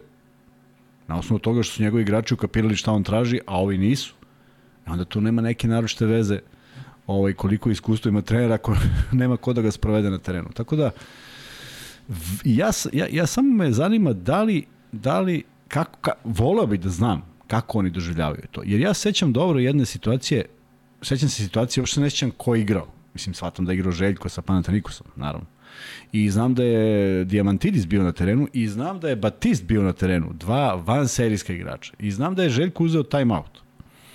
I da su vodili dva razlike ili jedan razlike. I da je nacrtao da kada dođe do pick and rolla da preuzmu. Znači, nema prostije. Ti tamo, samo raširiš ruke i ti tamo, ja ovde. Obojica su ostala na playmakeru i čovek je šutirao sa 45 stepeni ispred klupe Panathinaikos. Ako, ne zna, ako neko zna o kojoj utakmici pričam, nek napiše. I Željko je stajao ovako i već bio sa, sa rukama na glavi. Kad je ovaj šutnuo i promašio, on se uhvatio i ništa nije rekao igračima. Jer ja mislim da on nije mogao da veruje da se to desilo na tom nivou. E, onda ja možda mnogo preterujem kad kažem, ej, nekom treneru kako ti ne igraju, ne slušaju igrači, ako na tom nivou neko Šta onda da očekuješ od Lesora? I Upravo onda... to. E sad, ili ja previše očekujem, ili sam ja živio u nekom drugom vremenu da je to, ja sam utripao da je bilo drugačije, ali ja znam da sam bio igrač kojem kad kažeš ideš, udariš glavom ovoga u čelo, ja to stvarno i uradim. Zato što mislim da je to dobro za, za ekipu i ne, ne, ne, ne pomislim da mogu da smislim nešto pametnije. I, I veruj mi na reč da sam uživao baš zato što sam imao takve saigrače. Dakle, ta budućnost je bila jedna od najjačih ekipa na ovim prostorima, apsolutno. U kojim god hoćeš dekadama. I mi smo igrali tako. Prosto, bilo je. Bilo je i tada nekih koji nisu mogli sve to, ali većina jeste. Pa se o njih uzdaš. Pa je ta zvezda bila sastavljena od prilično dobrih iskusnih igrača. Pa ti govorim o tom Beočinu koji stalno pominjem. Zašto? Zato što su znali ljudi košarku. Znali što treba da urade. Spomenuo Beočin danas ranije. Evo danas. danas Ali je li bio ranije? Nije bio ranije. Nije majke mi. Živi Beočin i dalje. A, mogu jednom da počnem priču da sam kupio cement, 50 kg cementa možda. Kupio ili dobio? Umesto kupio, ugovora. kupio, pa ne kažem da sam bio u gradu i kupio sam 50 kg cementa, čisto zbog uspomene na, na Beočinsku fabriku. Um, Kuzma, ali čudno to što Zvezda dovodi play-a, u stvari Partizanu da potreban play. Znaš da je bilo Kampaco, dolazi u Partizan kao možda Kampaco, Kampaco i sad pritom se Aleksa, pričalo se o playu i pre nego što se Aleksa, znalo se da je na duže odsutan, Jel te iznadilo to da Zvezda kao dovodi Vildosu, a ne, ne Partizan? Ne, znam da dođe, znam da dođe jedna, jedan, ovaj, znam da dođe jedan moment kada, kada sve krene, svi, svi pogledi budu uprti u nešto što je problem i onda se tu digne neviđena panika, tako da od, od onih, nažalost, emitovanih utakmica zvezde, onih pripremnih, vidi se da nešto ne funkcioniše, to se dizalo iz dana u dan se dizalo na neki više nivo i mislim da je dostiglo jedan nivo zabrinutosti. Bilo bi najlepše kad bi taj Vildosa došao i povukao sa sobom Adamsa u smislu da on postane još bolji, ali nekako tek to je malo teško zaverovati. Opet potpisati nekoga, a da prođu doslovce dva i po kola i da ti sad kažeš da to ne valja, ni to nije normalno. Ali strpljenje, nestrpljenje, nema više strpljenja. Ja mislim da u sportu više nema strpljenja i da više niko ne čeka šta će biti preksutra, nego jednostavno... Ja mislim, evo, apropo, apropo strpljenja, ja mislim, jel ti misliš da, da Radonjić može da bude zadovoljan u utakmicu? Od, od broja igrača? Da. Samo pobedom, ne utakmicu. Znači, to je to tolika finesa. Ali mislim da je čak bolje nego bolje je sigurno nego protiv Arisa, a nisam gledao ceo meč protiv Reala, mislim da je da je napredak viđen. A, ali veruj mi da mislim ubeđen sam u onome što sam video da je bilo mnogo problema na koje on reaguje, jer ja gledam i njega i kako reaguje na neke stvari. Dakle, nije to bilo ništa savršeno, samo je samo je pobeda pa ti je lepše, ali i on ima da ispravi ogroman broj stvari u svojoj ekipi koja je danas pobedila. I... Ti delo odmornije i relaksiranije nego u Zvezdi? Da neko E, da kao da je, da je, da je opušteni? Pa ne znam, ne znam, nisam razmišljao o tome. Da, moguće. Moguće. I sam. nešto je interesantno, komentarišem sa Iliju Kovačićem koliko dugo mu je trajala konferencija za štampu i kažem, čekaj bre čoveče, nikad nije trajala toliko dok je bio u Zvezdi, a u stvari mi nikad nismo gledali njegovu konferenciju. Zašto mi, mi pratimo gosta, pa kad on uđe u, ovu, u, na preskonferenciju mi izlazimo iz programa, tako da mi je delovalo neobično dugo. Da. E, će se ovde Geralda Jamesa koji igra sa tom prvi crnac u Podgorici. Jesam E, ispričao tu priču ovaj, čuvenu za Jer- Jeroma Jamesa? Ajde ispričaj pa da se, pa da se vratimo na... na Ako, ajde jesam, ovako. ako jesam, ne zamerite. Ne, ali dobro sada slušajte. Dakle, vratit ćemo se na Partizan. Kuzma će da ispriča mnogo dobru priču u vezi Jeroma Jamesa. I onda ćemo da postavimo drugo free bet pitanje. Nije mi drugo iz freeway pitanje, odlično je. Ne, ne, ima još jedno luđe. Ajde, nek to bude Dobio tvoje treće. Da, dobro, ajde kako hoćeš. A ti ovo drugo ispričaj, pa ćemo da onda izvučemo nešto iz toga. Neko bet Ajde pitanje. kako hoćeš. Izvoli. Elem, Jerome James je potpisao za budućnost i Igor Mitrović, tada ekonom kluba, ga dovozi sa aerodroma. I voze ga u nekom minivenu, velikom da bi čovjek mogao da stane. Ima 2.16 i uz Shaquilla O'Neala on je najviši afroamerikanac. Dakle, nije bilo više, bilo je afrikanaca viših, ali on kao amerikanac nije postao. Čak mu je Shaquille šao ne, slao neke patike jer to vreme nije baš moglo da se nabavi gde god si hteo. I na ako neko poznaje Podgoricu, osim ljudi koji žive u Crnoj Gori koji je bio, umesto trga tada, sad je to jedna fontana i trg, tad je bio parking. I na tom parkingu, ko ima sreće da se parkira, preko puta su bile radnje, neko je dilovo devize, neko je prodavao ovo ili ono, neko je išao u kupovinu, ali na parkingu su dva Roma bili zaduženi za pranje šofer šajbni. I ovaj izlazi, staje, staje kombi, staje taj ven i izlazi Jerome James, najviši čovjek kojeg je Podgorica videla apsolutno, crnog. Mm, Slavko Vraneš je viši, pa i to, i to 16 cm viši. I tajac nastaje. Kaže, on izlazi, nose se torbe i sve je zamrlo. Znači, u Podgorici tada baš da su viđali crnce teško. Svi ovi što viču devize, svi, svi, svi, svi staje, niko ne diše. I čuješ ova dva klinca, kaže, safete, safete, vidi koliki ciganin. Tako da je to ostala najupečetljivija uh, anegdota za za Jeroma Jamesa. Ali ispričaj bre ono u Danilovgradu, mislio sam da Ne, ćeš to. ne, ovo je bila ovo je bila baš ovako gradska, a u Danilovgradu je kada je video u kakvu salu ulazimo na minus 5 na polju, a na minus 15 u sali. Ovaj pitao da li će se uključiti grejanje, mi smo počeli grohotom da se smejemo. On je sišao u slačionicu, u slačionici je bio bila termoakumulacijna peć, e, dva zida, prozor, i na zidu su bile one daske na kojima treba budu zakačaljke, ali Da, za, nema za, klupa, za nema. kačaljke nije bilo i nije bilo klupa, dakle uopšte ne možeš gde da ostaviš stvari, on je I šta je bilo na sredini? i, i onako slivnik, jedan u kome je još bila mala bara onako od vode, dakle vrlo slično nekim tamo a, drugim ustanovama a, za vreme drugog svetskog rata. I nestane čovek i svi se skinemo, kako god smo znali i umeli, jer smo navikli na te uslove. I uzlazi Boša Tanjić kaže, ali gde je James? James sedi u kancelariji pored termopeći i blago rida. Nije mu ni malo lako ovaj, da, da, da, da shvati gde je došao i tad je rekao jednu veliku istinu, kaže, ne mogu da verujem da mi je smetalo što sam se žalio što u slačionici Atlante nema dovoljno čistih peškira. Znači, to mu je bio reper za kao ne valja, a ovde je došao nešto što sigurno od nekog svog odrastanja nije video. Da. E, da ispucamo free bet James ili hoćeš ti svoj ovaj free bet? Hoće ja svoj free Ajde. bet. Poslao nam je Ivan Pejić. Vi svi koji ste pomno Pajić, slušali ovo, morate da se zadovoljite time što je dobre, dobre su priče o Jamesu, a treći free bet ćemo vjerojatno Partizanu. Nemojte nam zameriti, ali Ivan takva je situacija. Pejić. Prema Ivan Pejić da ovo. odgovori na svoj free bet. Pazi ovo, genijalno. Rekao Drugo kaže, pitanje za free bet je ovo. kaže ovako. Ko je 1984. godine izabran kao 208. pik na draftu?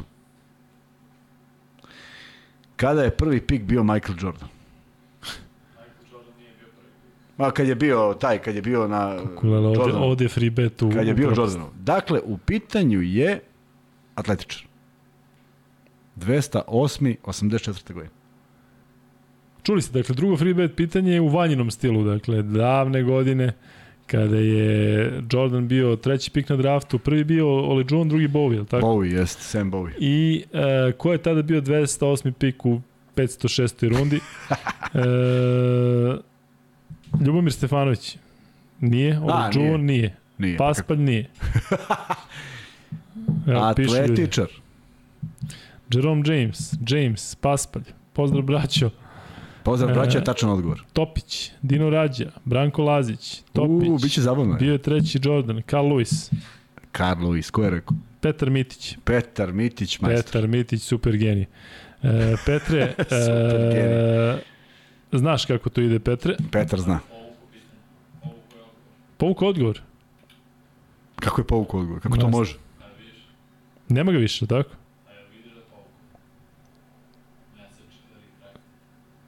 Ja ovde više nemam ništa. Ovo se nikad nije desilo, da povuče odgovor. De, dešavalo se da povuku, ali ono, Filip Rovčanin je odgovorio onda prvi, tako vanje? Filipe, pošalješ MaxBet ID na Luka i Kuzma Instagram. Imamo preko 1000 ljudi u live-u, Kuzma. Pazi šta pričaš, molim te. Od ove tvoje priče od Jeroma Jamesa pod... Od kad su čuli za Jeroma, svi se priključili. Imam e, još jednu priču za Jeroma. Ima 2000. ima James priču o poznatoj podgoričkoj vojiteljki Ima sigurno, svašta, svakake priče ima James, samo moramo da ga nađemo. Da, pa ovde sada nešto nastave koji ne bih... Bilo je tu suza na njegovom odlasku iz Podgorice. Bilo, a? Njegovih da. ili... ili da, njegovih naročito. E, ništa, Filipe, pošalji i MaxBet ID, vidim da ovde dole pišeš da si napisao Luis, sve, si, sve okej. Okay. E, Filip Ročin, Luis, pa dobro, nisi mislio Luis, pokojni pevač, sve okej. Okay. Samo šalje. E, to je drugo free bet pitanje. Kuzme, ja bih se vratio još na Partizan i sada bi malo u, onako uopštio priču. Ajde. Sa, ovih, e, sa ovim utakmicom protiv Albe ništa nije tu nešto što možemo sada da svodimo neke utiske, ali realno, jedan objektivan navijač Partizana, šta treba da očekuje od ove sezone? Jedan realan navijač Partizana treba da očekuje da njegov omiljeni tim dođe do nekih 14 pobjeda. Zaista? Do 14? Da. 14? Da. Je to dovoljno za to posle? Ne, nije. Ali 14. A realno. Sve preko toga je fenomenalno. A gde si našao baš 14? Se razmišljao o tome? Da, razmišljao sam decenijama. Ovaj, mislim da je to da je to uz, uz odnos snaga, uz činjenicu da ne možeš da budeš favorit na svom terenu, negde sam proračunao da bi 14 od 17 utakmica bilo da si ti ipak neko ko je dovoljno konkurentan i da ćeš na, na, na, na, na, na, na, ovome, na gostovanju da uzmeš dve, tri pobede i da to daje to. Jer ja bih voleo i da Partizan i Zvezda mogu da pobede sve kod kuće, ali nije ni to izvodljivo. Prosto neke ekipe dolaze kao apsolutni favoriti. Tako da 14 pobeda je nešto što je realno, a sve ostalo preko toga je veliki plus. Šta smeš? Šta ti prečitam poruku Marka Ivanovića. Marka? Ivanović. Ajde. Veliki pozdrav majmune. Izgubila zvezda. Kome, ne, ne, ne znam da, nije, vjerojatno nije te, možda je meni, a možda je nekome ovde. Ali to majmune asocira lepo, na ono, lepo. na ono, majmune. Majmune izgubila zvezda. Ma, Marko, iako si htio da nas uradiš, nasmejao si nas, a pristili smo se one e, one stare fore što je Kuzma dobio na Instagram. Elem, e, Kaže, Freebet, pitanje vam je bilo u milioneru, Kuzma. M što kopiramo, M što ne znam šta je. Znaš da je bilo Freebet pitanje u milioneru? Ovo je drugo. Što si ti postavio? Nije sigurno moje prvo pitanje šta sam postavio u vezi zvezde. A, nemam pojma. Ivan Pejić je tražio pitanje. Da. Otkud to ja znam? ti je pitanje iz milionera. Ma šta me briga, dobro je pitanje. E, daću ja moje mišljenje o Partizanu, pošto ovde vidim da, da, da tražite. Dakle, što se tiče Partizana i ove sezone, ja još uvijek ne mogu da odredim da li bi trebalo akcent da bude na ABA ligi ili na Euroligi. Naravno da bi trebalo da bude na Euroligi, ali po koju cenu ABA ligi ili eventualno ako se bude igrao KLS, mislim da je za Partizan jako bitno da ove sezone dođe do nekog trofeja. Da li to bude trofej, da li će biti trofej u kupu ili će biti u ABI ili će biti ovo u Euroligi, neće sigurno, nažalost, na moju veliku žalost pre svega. Mislim da bi trebalo malo svi da, da spustimo lestvicu i da nema toliki pritisak, da ne postoji toliki pritisak na Partizan samo zbog Partizana. Zato što znam da će biti puna arena uh, i protiv Virtusa i protiv Armanija, da su otišle sezonske karte, nije realno očekivati od Partizana previše, bar na startu sezone. Ja se nadam i ubeđen sam da će biti deo sezone kada će Partizan da uđe u dobru formu i kada će možda i vezati nekoliko pobjeda i iznenaditi neko, neke favorite, ali videli ste recimo koliko smo se svi razočarali protiv Albe kad smo očekivali, aha, Alba, najbolji mogući protivnik u tom trenutku, ide se tamo po prvu pobedu, pa ćemo onda u Beogradu da, ne znam šta, da iznenadimo sve. Zato samo pozivam na oprez protiv Baskonije, dajte momcima šans, šansu, verovatno ni mi ne možemo da shvatimo koliko je njima teško da igraju bez Avramovića koji je trebalo da bude motor ekipe, a pritom je i to na duže, tako da to sa Aleksom Avramovićem mislim da je ozbiljno uticano tima, tako? Kuzma, nešto verovatno ni na pripremnim Čuo si šta je rekao, sve... čuo, čuli su svi šta je rekao Nenad Stefanović koliko on nedostaje ekipi kao neko ko kad pritisne loptu stvarno imaš problem. Tako Evo, videli smo, znam da, ste vi, da ste vi videli i slušali uh, intervju sa Nenadom Stefanovićem, samo da objasnimo o čemu je pričao, da je bilo teško njemu kao treneru koliki je pritisak pratio na, pravio na Brajsa Avramović prošle godine da ovaj ne može da prenese loptu. Tako da je o tome pričao. Videli smo danas ozbiljan pritisak na sve spoljne igrače, sva, sva, sva tri koja su igrale, igrali u Zvezdi i videli smo da nije ni malo lako. E, Avramović je jedan od njih koji zna da E, video si kako Ivanović dva puta, jednom čačnu loptu, jednom uspeo da izvi. E, to, to radi Avramović. Ima strahovit osjećaj i zaista nije lako da preneseš loptu kada je on tu pored tebe sa onim dugim rukama i sa jednom energijom da nikad ne odustane. Tako da sigurno nedostaje ekipi i sigurno da ta ekipa ima drugačiju, drugačiju zamisao, pre svega defanzivnu kada je on u pitanju. Kada pričamo o napadu, ponovit ću po stoti put kad pričamo o njemu, želim da je fokusiraniji, da ne bude jedna utakmica dobra pa tri se traži, nego da svaka utakmica bude njegov maksimalan fokus. To znači da ne luta sa nekim uh, pogledom levo i desno i komunikaciji sa navijačima, jer to mu najviše remeti njegovu pažnju i koliko je puta, čak, čak se našalio, nedavno je na sport klubu bilo ono Aleksa kada ga pitaju kako reaguje Obradović, da, on je svestan toga, ali sad ulazi u sezonu kada to mora da ne postoji. Ne sme više da postoji. Jer ako nastavljaš priču iz prošle godine, onda nešto nije u redu. On mora da bude ozbiljniji košarkaš ako hoće da igra ozbiljniju košarku na, na ozbiljnjem nivou. Prošle godine sam ja kritikovao Aleksa Avramovića samo zato što dečku želim najbolje i zašto sam bio svestan koliko ovaj, znači Partizanu ove godine verovatno još značajniji zato što je Euroliga i zato što je njemu kao domaćem igraču potrebno da, da igra ovo takmičenje, da vuče tim, međutim, eh, da li misliš da je njega razočalo, pošto onako emotivan to što nije dobio kapitansku traku? Ma jok, mislim da nije razmišljao o tom. Ali prošle godine kada smo se sreli na nekom euroligaškom događaju, gde on bio jedan od ambasadora, tu se mene što vodio, i onda sam se šalio na onaj način, na mikrofon sam ga zvao Aleksa, ono, Željko Bradović, on se oduševio i kaže da je baš dobra fora, momak priča nekoliko jezika, znam da je za neke španci pričao na španskom, naravno zato što je igrao tamo u Nikahi i u Estediantesu, ali E, zaista jedna posebna energija. Zaista posebna energija. Ja kažem, još uvijek nisam siguran da on može da bude jedan od najboljih bekova Euroligi, zato što nije ranije igrao na tom nivou, ima dovoljno godina, ali mu želim to, želim to i Partizanu. Ali hajde da se vratimo na strance o e, kojima pričamo dosta. Ajde mi samo odgovori iz prve i samo reci prezime. Ne. Koji je trenutno kovi, kovi sa Freebet? Ko je za sada najbolji stranac u Zvezdi? Bentil. Ali više trebalo ti malo. A ko je za sada najbolji stranac u Partizanu? Potreba će mi podjednako malo dok se ja sad setim. Ne, ne, ne mogu da poredim stranicu u Partizanu zato što imaju dva vanserijska partiza, uh, stranca u Partizanu prošle godine. Ne može niko da Da, da, ali od pojačanja stranih. Od, ove godine, da. ne računajući prethodne. Da. Pa Egzu. Egzu. Pa to da. se neko podrazuma. Da. To je dobro za Partizan. Što se izdvojio Egzu. Uh, I sad ti znaš da imaš pleja, očigledno da će igrati na pleju, ovako bez Avramovića i sve, imaš pleja koji ipak stekao neku sigurnost, pokazao se dobro u nekim mečima, ne u nekim mečima, igra igra dobro, on je protiv Albe mene, nosio sam ekipu. Znam, ne, ne, jedino brine, jedino brine, pazi, on nosi ekipu i onda ekipa nešto potone, zašto niko nije razigran. Nije sad stvar da li ti nosio ekipu 20 minuta, ako 20 drugi, da. drugih minuta nema koja da koš kad si ti van igre. Dakle, ja mislim da on, on, on, on bi trebalo da ima ulogu čoveka koji će da razigra. On, ja mislim da nije sposoban za to. Ne zašto je sebičan, nego zašto prosto Nije tako taj kapacitet. Je, tako je, nije taj kapacitet i tako je, tako mu je, takav mu je ideja u glavi. E, što ne ide nikako na njegovu neki manja kvaliteta. Jednostavno, igrač je koji kad vidi koš i kad nađe poziciju, on ide do kraja. Koliko to smeta Panteru? Mislim da mu smeta, zašto je Avramović ipak neko ko je o tome mnogo više vodio računa i imao kapacitete da to uradi. nekada je Aleksa i preterivao u tim stvarima, pa je možda i bilo zgodnije da položi na koš nego što će da, da, da doda, ali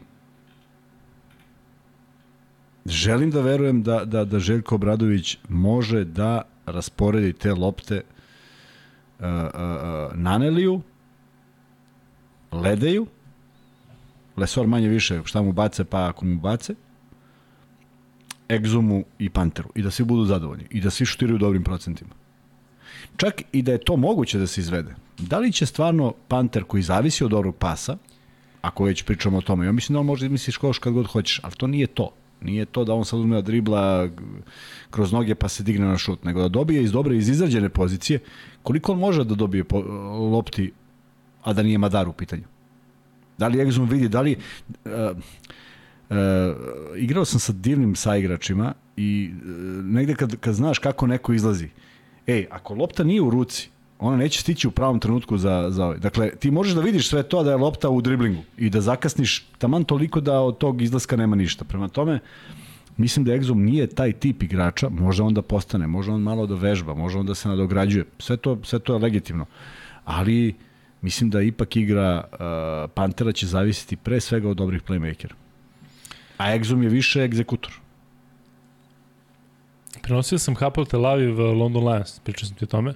Gledao sam. I prošle godine, cijele sezone, hvalim onog Jakovana Browna koji igra za Hapoel Tel Aviv zato što momak ima jednostavno i tu energiju i spremno da pogodi šuteve, igra pametno, nije on nivo Euroligi.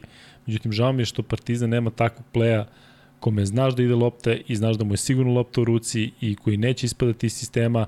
Madar je, vidite svi, dakle, živac, struja, energija, dakle, može da bude super, može da ode u kontritmu. Exum, što Kuzma kaže, pravo je, dakle, Exum igra dobro, a ekipa ne igra dobro, tu nešto ne valja ako si play. E, sa Aleksom, kažem, isto neka vrsta rizika, zato što još uvek e, nismo sigurni kako će on igrati i šta će igrati u Euroligi. Želimo naravno pre svega da se što pre oporavi. A kada već pričamo o tome, bilo je jedno pitanje koje je postavio e, momak koji je vidim vrlo aktivan sada u, u četovima i bilo je pitanje za mene da prokomentarišem šta očekujem od Smajlagića i šta očekujem da, šta da radi kad se vrati. Prvo, mislim da će biti jako teško da se vrati, zato što je on prošle godine, ako se sećate, imao jako veliki problem kada se vratio, nije bio skroz svoj, izgubio neko, neko samopouzdanje, mislim da ove godine ne može da bude mnogo bolje, posebno ako se radi o, o povredi koja će ga očigledno mesecima um, skloniti sa terena i on se vraća u Euroligu u novembru ili decembru, daj Bože da bude što ranije, i vraća se među ove zveri i treba nešto da pokaže. Tako da nisam veliki optimista, tom momku najiskrenije želim sve najbolje zato što čujemo njega da je fantastičan, čujem da bukvalno oko god od nekih drugara želi s njim da popriča ili da se slika, da je uvek uvek raspoložen, da je, da je momak prva liga, da je ono bukvalno deluje kao da je lik iz kraja. Ali što se tiče e, nekih ozbiljnijih očekivanja od Smajlagića, možda i tu treba malo spustiti granicu i spustiti očekivanja baš zbog njega, da bi, da bi bez, bez bilo kakvog imperativa, bilo čega, mogao možda da dobije neke minute. Ne deluje da, da, da će on imati neku, neki veliki prostor i kada se vrati i kada bude spreman, tako da eto, vidjet ćemo. E, Luka, si primetio na toj utakmici Hapa London igralo se sa onim Fibinim loptama, a ostale utakmice sa Eurocup loptama? Nisam primetio, moram priznati. Nešto sam bio opčinjen London Lionsima, u smislu baš mi je bilo interesantno da vidim njih sa onim trenerom kako će to izgledati i onda se Deket povredio pa sam nešto sad bio ovaj, u fazonu da im, pritom tamo ima neki igrači ljudi igraju bez playa, igra oni Nelson, igra oni Oluade, igra Kvili, dakle to su neki polupoznati igrači, ne znam kako misli jedna Evrokupa i ekipa da igra bez playa, igra oni Van Ostram, dakle sve nešto levo. Tako da nisam, nisam apsolutno ni na, neki, ni na, ni na jedan način ovaj, uh, oduševljen London Lionsima. I sećaš London Towers? Pričali smo njim. Da, igrao sam protiv njih. Je, je, zna, je stvarno? Aha. Je znaš da su ugašeni? Pa nisu ovi ugašeni. Nisu. Nisu, ovi su ugašeni 2000, verovatno kad, kad su izgubili od vas. Kad su izgubili, od ovih ste izgubili? Da. Kaže, ajde, gasi. E, pitanje za tebe, Kuzma, da se vratim malo na zvezdu. E, a znaš ko protiv koga sam još igrao? Protiv koga? Sheffield Sharks. Eh. A? I, je li bio tamo neko poznat? Ne, ne pa neverovatno, nećeš verovati, ali Roger Huggins koji je bio jedan od bitnijih igrača Sheffield Sharksa, mi je bio saigrač u Spiru Šarloa. A igrao si pre protiv toga. njega. Sa Kad si Beočinom, sa Beočinom. A s Beočinom i posle ste bili zajedno. I sa- posle smo zajedno, da. Pa ste se prepoznali. Pa kako ne rekao, Desi Roger Te je si legenda. Sheffieldova Give me a legenda. hug, Huggins i tako smo se zagrali. Odlično. Ove, e, Kuzma, Jel ima neko pitanje? Da li prepoznate stil igre koji Gaj Jovanović? Ili je to opšti ka, haos kao što meni deluje? Ma trenutno? nije, ja moram da priznati, da ali ja moram priznati da mene sad neko pita da li Zvezda igra defanzivno kao Radonjić prošle godine ili ofanzivno, ne bih smeo da Ma kažem. nema, ne moraš da, da, da, da deklarišeš to tako. Primili su 77 poena, znači igraju dobru odbranu i nije to bilo mnogo propusta. Sad, odrediti gde, šta, kako igra. A, čovek ima tri igrača u spoljnoj liniji i sedam u centarskoj i pa naravno mora da prilagodi igru u tome da pobedi utakmicu na način na koji jedino može. Volao bi i onda ima još tri u spoljnoj, ali nema. Prema tome ovo je bilo sve iznuđeno i prilično dobro izgledalo. 39 minuta je Zvezda bila konkurentna, tako da ne vidim da tu može da bude neki dok se neko ne oporavi neće biti promena u igri, ali da li bih sad ja to zvao defanzivno, ofanzivno, mislim da igraju pravu košarku i mislim da imaju dobru energiju i da su celu utakmicu imali dobru energiju, ali nije bilo dovoljno pošto je to tih par poena i jedna izgubljena lopta, dva, tri promašena bacanja i tako dalje, dovede do ovoga. Um, Ali ne, daleko od toga da mi deluje konfuzija. Samo mi deluje stice okolnosti. Uvek proba što više igrača u prvom problemu, svi dobiju minutažu. To prvo polovreme da nije bilo onog pada od minut i po, gde pao otišao na četiri razlike, to je bilo prilično dobro polovreme. Nemaš, nemaš na kom segmentu da zameriš. Ni na procentima, ni na skokovima, ni na izgubljenim loptama. Pet izgubljenih lopti su imali. Dakle, ništa tu nije bilo spektakularno loše, ali igraš protiv jedne tvrde ekipe koš za koš i to je legitimno. Kaže Darko Ponović, Luka, vreme da se sa Peočina prebacite na Švedsku. Tako je, sad je krajnje vreme. E, pita Crni Grobar, da li smo ispratili ovo sa Halilovićem i onim crncem što mu je slomio vilicu na utakmici dobio 10 meseci zatvora, bar tako mediji pišu. Znam samo to što si napisao o tom. Šta o se tom. desilo? E, Halilović u Francuskoj ili gde je, e, udario ga je neko, slomio mu vilicu i na utakmici dobio 10 meseci zatvora. Igrač? Da. Onog iz bosanske reprezentacije? Da, da. Budala. Neverovatno. Sad, danas? Ne danas. Ne znam, dobio 10 meseci zatvora. Ne, nije mogu dobiti danas 10 meseci zatvora. Juče? E, Nisam, nisam znao da to strašno. Mm, Crni, podsjeti nas malo, malo dublje. Inače, Salin se javio kaže, pozdravlja vas Sasu Salin. ja, Pošto smo se zezali na to i kaže, nisam vas pratio još od onog izuzetnog uspeha naše reprezentacije. A ja sam mu rekao da nismo znali da je na Ten- Tenerifama, tako da se javlja odande. originalan sad su sad. Original. Sasu Salin Salijević. Dodao je Salijević, jer mu tako Da. prija. Dobro, Sasu zna bre naš jezik, ti se zezaš. Sasu sve znaju. E, znaš da Sasu Salin zna naš, je naš Ne, ne, jezik? molim te. Pa jeste ga vas dvojica učili kad ste bili tamo. Zna stvarno, čovjek igru bre Bili ste pen pals, pa ste se dopisivali. Jel? Kako? Pen pals. Šta je pen pals? Ne znaš šta je pen pal? Pa to je nekad bilo. Dopisuješ s nekim u inostranstvu, pa ste vi pen A, pals. pen, aha, kao pen. Da, da, pen pals. Me neki Paypal mi je u glavi. Ne, PayPal ništa to Ono, više. znaš na što je trebalo da odgovorim, da otvorimo u Super nam novembru. ide, samo da znaš da nam dobro ide. Kako ide? Odlično. Gde, na Paypalu? Mhm. Kida. Mm, Ekstra. Kida. E, još malo Partizanu da ispričamo za kraj, pa ćemo onda da odrimo treći free bet i onda ćemo da lagano idemo kući. Iako vas i dalje ima preko 1000 u live-u, mnogo nam je drago zbog toga. Nevratno Guzma kako kod nas posle 12 krene neko Navikli smo ljude, pa šta ti je? Što smo navikli ljudi. Znači sutra kada Vanja završi 99 yardi, onda ćemo da, da, da mi pokidamo tako. E, 10 meseci uslovno i 40.000 evra naknada, kaže Viktor Lazarević. E, dobro. Mm, Kuzma, što se tiče Partizana, postavio bih ti, postavio bih ti još jedno pitanje. Ajde. Da Partizan sada možda dovede jedno pojačanje, na kojoj bi to trebalo da bude pozicija? Pet. Jedan ili pet? Pet. Pet, ipak pet. Pet, pet, ipak pet. Znači ti bi ostavio loptu u, u, u rukama Egzuma i Madara dok se ne vrati Avramović. Ne, ne bi, ne bi, da. Avramović se vraća. Znači, računamo da se svi vraćaju. Računamo da ima Partizan potpisane igrače. Šta fali? Fali pet. Zato što mislim da Balša Koprivica je jedan ozbiljan potencijal. I da može da bude baš kao, ne mogu sad ga poredim s Topićem, ipak ima dečko od četiri godine više, je tako? Pet. Ne, on je 2000, 2000 to. pet godina više. Znači nije isto poređenje, ali po onome što je igrao u Americi i onome što ga je čekalo prošle godine je nebo i zemlja. E, I dao bi mu apsolutno i da greši i da brlja i da sve radi u, u okviru Jadranske lige koliko god mi to mogućnosti dozvoljavaju. Ali za tuču kakva je danas viđena recimo u reketu Zvezda i Panatanikosa, ja mislim da je potreban još jedan. Sa sve oporavljenim Smajlagićem. Jer tu onda ima Lesor, je tako? Smajlagić kojeg nema i Balša Koprivica. I ako će neko očekivati da se Tristan Vukčić šiba dole, neće. Ledej? Ledej može. I on kad igra s polja i tu je, tu je manji problem. Ali onda ih uvodiš u ozbiljan problem, jer ipak su oni neki igrači koji, koji odnose prevagu.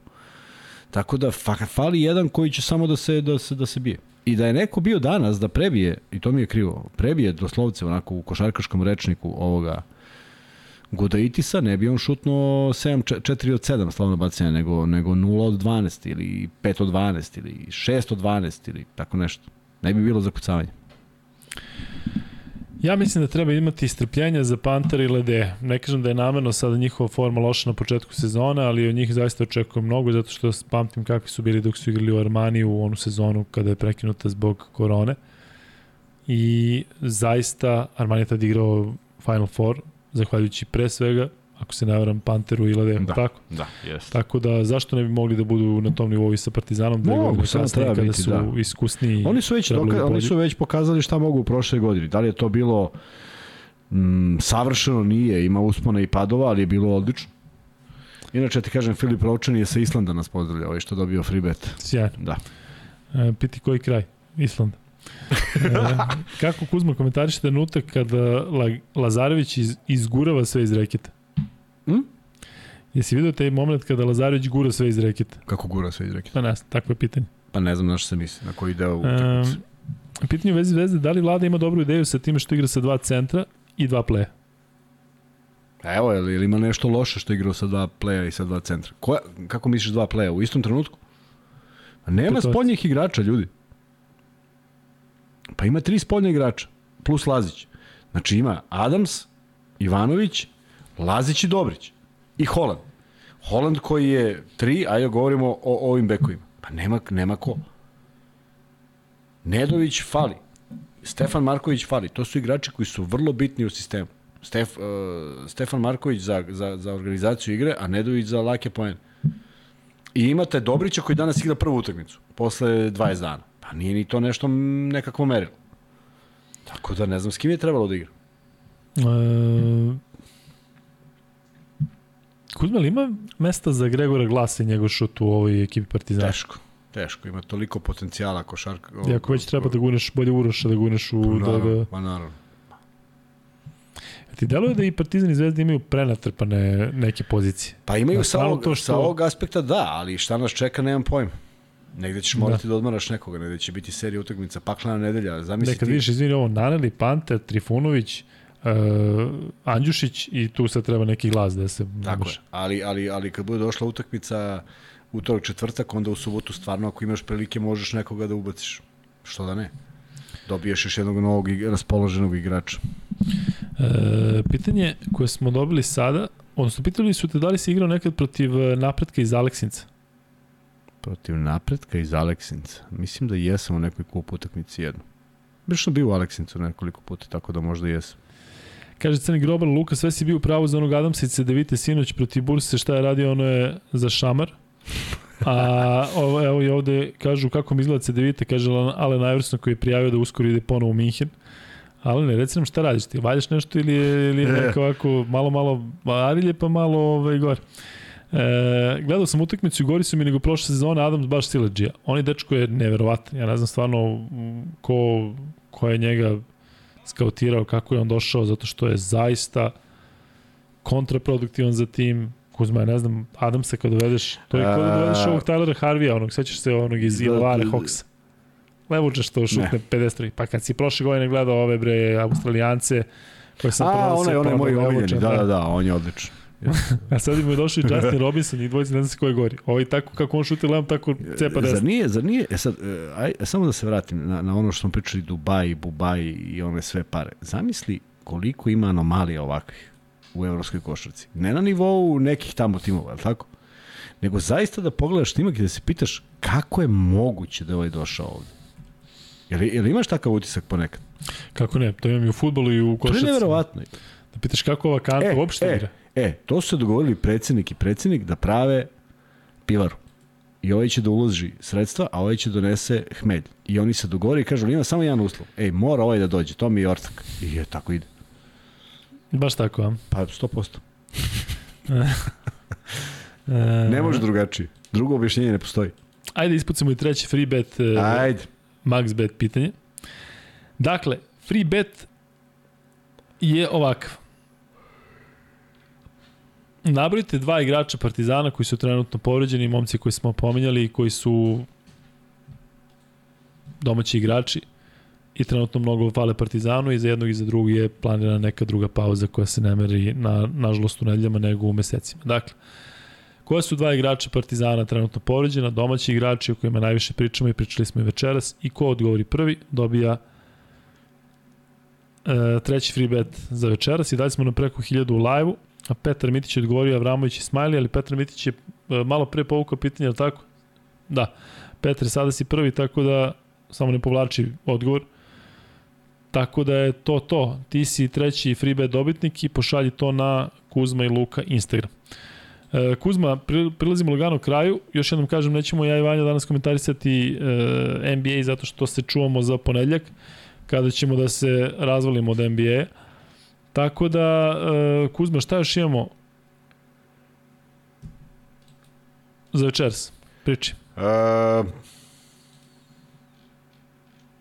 Gde si? Si tu? ja sam pročitao sam novo pitanje Sasu Salina. Ovaj, ništa, da, da, da, da uživamo u narednim utakmicama, s obzirom da je danas bilo dosta, dosta ja dočekam da pogledam utakmicu Monako Efes, izgleda da je bila izuzetno interesantna. Jeste, pitao ovde gde je snimak, kada je snimak, ne znam. Naćemo ga negde, mora Da, da, mora da postoji. ima Da, da, mora da postoji negde. Mm, To me zanima da vidim s obzirom da je utakmica završena testom pobedom uh, Monaka. Uh, sutra Partizan gostuje Baskoniji i zaista pravi moment da, da startuju sa pobedom, ali uh, nale, naleću na Baskoniju koja je pobedila u gostima, pa sad ne treba izgubiti taj kapital, s obzirom da smo pričali o tome koliko znači pobeda kod kuće i ako se nešto ostvari sa strane plus. E, I da gledamo, da vidimo kako će te neke, znaš, interesantne ekipe tipa Makabi da, da, da reaguju, s obzirom da su da preživjeli Žalgiris, a sad igraju sa, Makabi, da, igra protiv Fenera u gostima. protiv Fena u gostima. E, to je vrlo interesantno da vidimo da li će odoleti tom nekom pritisku. Vilbekin igra za Fener protiv Makabija gde je proveo poslednjih koliko niz godina, tako da je to onaj Da, sad će tomu, Glavni da, da, obračun. znači 7-1, jedan, jedan od 7 u najavi. Vidjet ćemo kako će da izgleda to, ljudi sebi daju previše ovaj, važnosti u celoj toj priči, ali to je, to je tako. I da vidimo, ništa nema mnogo nešto panike na drugom kolu Evroligije, prema tome jedino što zabrinjava to je taj raspored koji svako gleda onda, zato što nema mnogo logike i, negde će neko gostovati tri puta, neko igrati kao domaćin tri puta, ili će taj privid da se na tabeli napravi i stvarno može te baci u bedak. Naprimjer, može da se desi imaš 0-5 ili 5-0, a da ti dolaze utakmice e, četiri utakmice kod kuće, da dođeš do 5-4, a ovaj napravi isti rezultat samo sa, sa, sa, iz, druge, iz drugog ugla. Vrlo je neobično i nesvakidašnje i ne sviđa mi se, zato što ne možeš nikad, nikad imaš neki uvid šta si uradio, ali ono što smo pričali, što pričamo stalno, pobeda kod kuće je kapital, tako da je Zvezda ovo dobila, to je jedna velika stvar, ovako nije. Negde na strani će možda moći da se nadoknadi. Ja hoću da kažem za kraj još jednu stvar, jedna predikcija za sutra Ajde. U vezi Monaka i Partizana, pa negde oko 12 i 15 kada se nađemo da imamo da li, ću, da li sam bio u pravu. Očekujem da Danilo Andžuđušić odigra jako dobro. Ne znaš zašto? Kuzma? Ne. Prvo zato što je vrhunski igrač za početak. Drugo, zato što je prošle godine kada su igrali Monako i Baskonija, Baskonija Monako, mislim da je Monako to izgubio, on je bio najbolji igrač Baskonije, imao je neki 20 pojena ili bar 17, dao je neke trojke, toga se sećam, mislim da se taj meč prenosio. I treće, mislim da mu je e, motiv više to što će igrati protiv Vanja Marinkovića, koji je dobio prednost u odnosu na njega ove sezone u reprezentaciji. Očekujem da Anđušić Koje sutra... veze imamo onako? Pa prošle godine igrao sa Monakom, protiv Baskonije na strani u ovoj istoj dvorani i dao im je dosta. Aha, dao, im je 3, 4 trojke mi dao, mislim da. da je bio, bio je voditelj da, sigurno ali blizu 20 poena. Sećam se da je vezao nekoliko jeste, trojke jeste, prošle jeste, godine. Igrao je odlično. I Uh, Zvezdaš li stvarno? Ne, stvarno, da, da, sećam se njegovih partija zato što sam pratio kako igra. Jeste, kad ti protiv, mislim da su tu izgubili, dobri su kod kuće, mislim da što istim rezultatom, i mislim da taj meč ne igrao, ali protiv Baskona na strani je odigrao dobro i sad igra protiv Vanje i vreme je da, da se neko istekne u Partizanu, mislim da je on prvi taj koji mogu da se istekne, on je odigrao dobro protiv Albe, nego ja, malo tu je, Tu je, tu je sad to pitanje, pazi, on šutne protiv Albe 3-3, 2-3. A pa samo, šutne jedan... To je samo šest lopti. E, kada neko šutne u tom procentu, on mora da ima još četiri lopte pa da vidimo, da vidimo samo šta ide. Pa ako ide, ide. Pa ako je četiri dao, da još dve. Tako da ovaj, tu mora da se vodi računa i, i e, ovo što si malo čas rekao da ima veliki broj igrača jeste, ali, ali svakome dati svoju ulogu i, i, i, i nešto što, što, što su treneri tog kova i tog, tog, te generacije Željkove radili jeste da, da zaštiti igrača koji nije dao pretrano veliki broj poena u smislu da to ne bude najvažnije. Ako mu nađeš ulogu da to nije najvažnije, on će biti zadovoljan. I sa svojih dva, i sa četiri, i sa šest, i sa, ali sa mnogo drugih stvari koje odradi. Tako da je to na treneru da ubedi svakoga da je ono što radi na parketu najbolje za tim.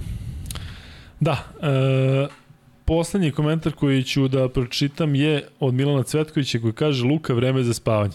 Tako je, Milan, Milan, slažemo Milan se, dva i po sata smo sa vama, još uvijek ima hiljadu ljudi u live-u, žao mi kada se oprostimo ovako, uh, Đorđe Sarić je predložio taj Discord, što mi je Vanja objasnio šta je i Đorđe Sarić je rekao da će se time uh, pozabaviti. Znaš šta je Discord Kuzma? Mhm, -huh. A ne mogu sad objašnjati. Znaš šta, nemaš pojma. Pa znam, ono za chat, gde neko, nešto da. mi uključimo, pa oni, nešto ne, pričaju. Ne, oni sad koji su ovde, ostanu u tom Discordu da i se drugu, se druže, jeste, da. da. E, vidjet ćemo, jedna od stvari koje, na kojima radimo već mesecima. Tako da uživajte, vidimo se sutra, Vanja, ili e, ok da sad kažemo, dakle, 12 i 15, pola 1, Vanja kaže bliže pola 1, e, meni odgovara to, da se to bude kasnije, da odem posle na ovaj San Jose ili šta već radim sutra. Vidimo se u noći između ponedjeljka i subote kada ćemo pričati naravno o Partizanu i Nisi mi pitao šta imam da kažem za kraj. Pričat, pitaću te polako, šta kažeš? Petke i subote, šta sam rekao? A da, viš da ne znam šta pričam od početka podcasta. Ali, vidimo se sledeće noći. Kuzma, šta imaš da kažeš za kraj? Nemam ništa više, nego samo da me pitaš. A, samo da te pitam. I evo, kažu ovde, pozdrav iz Detroit. Pozdravimo i mi Detroit, idemo da spavamo.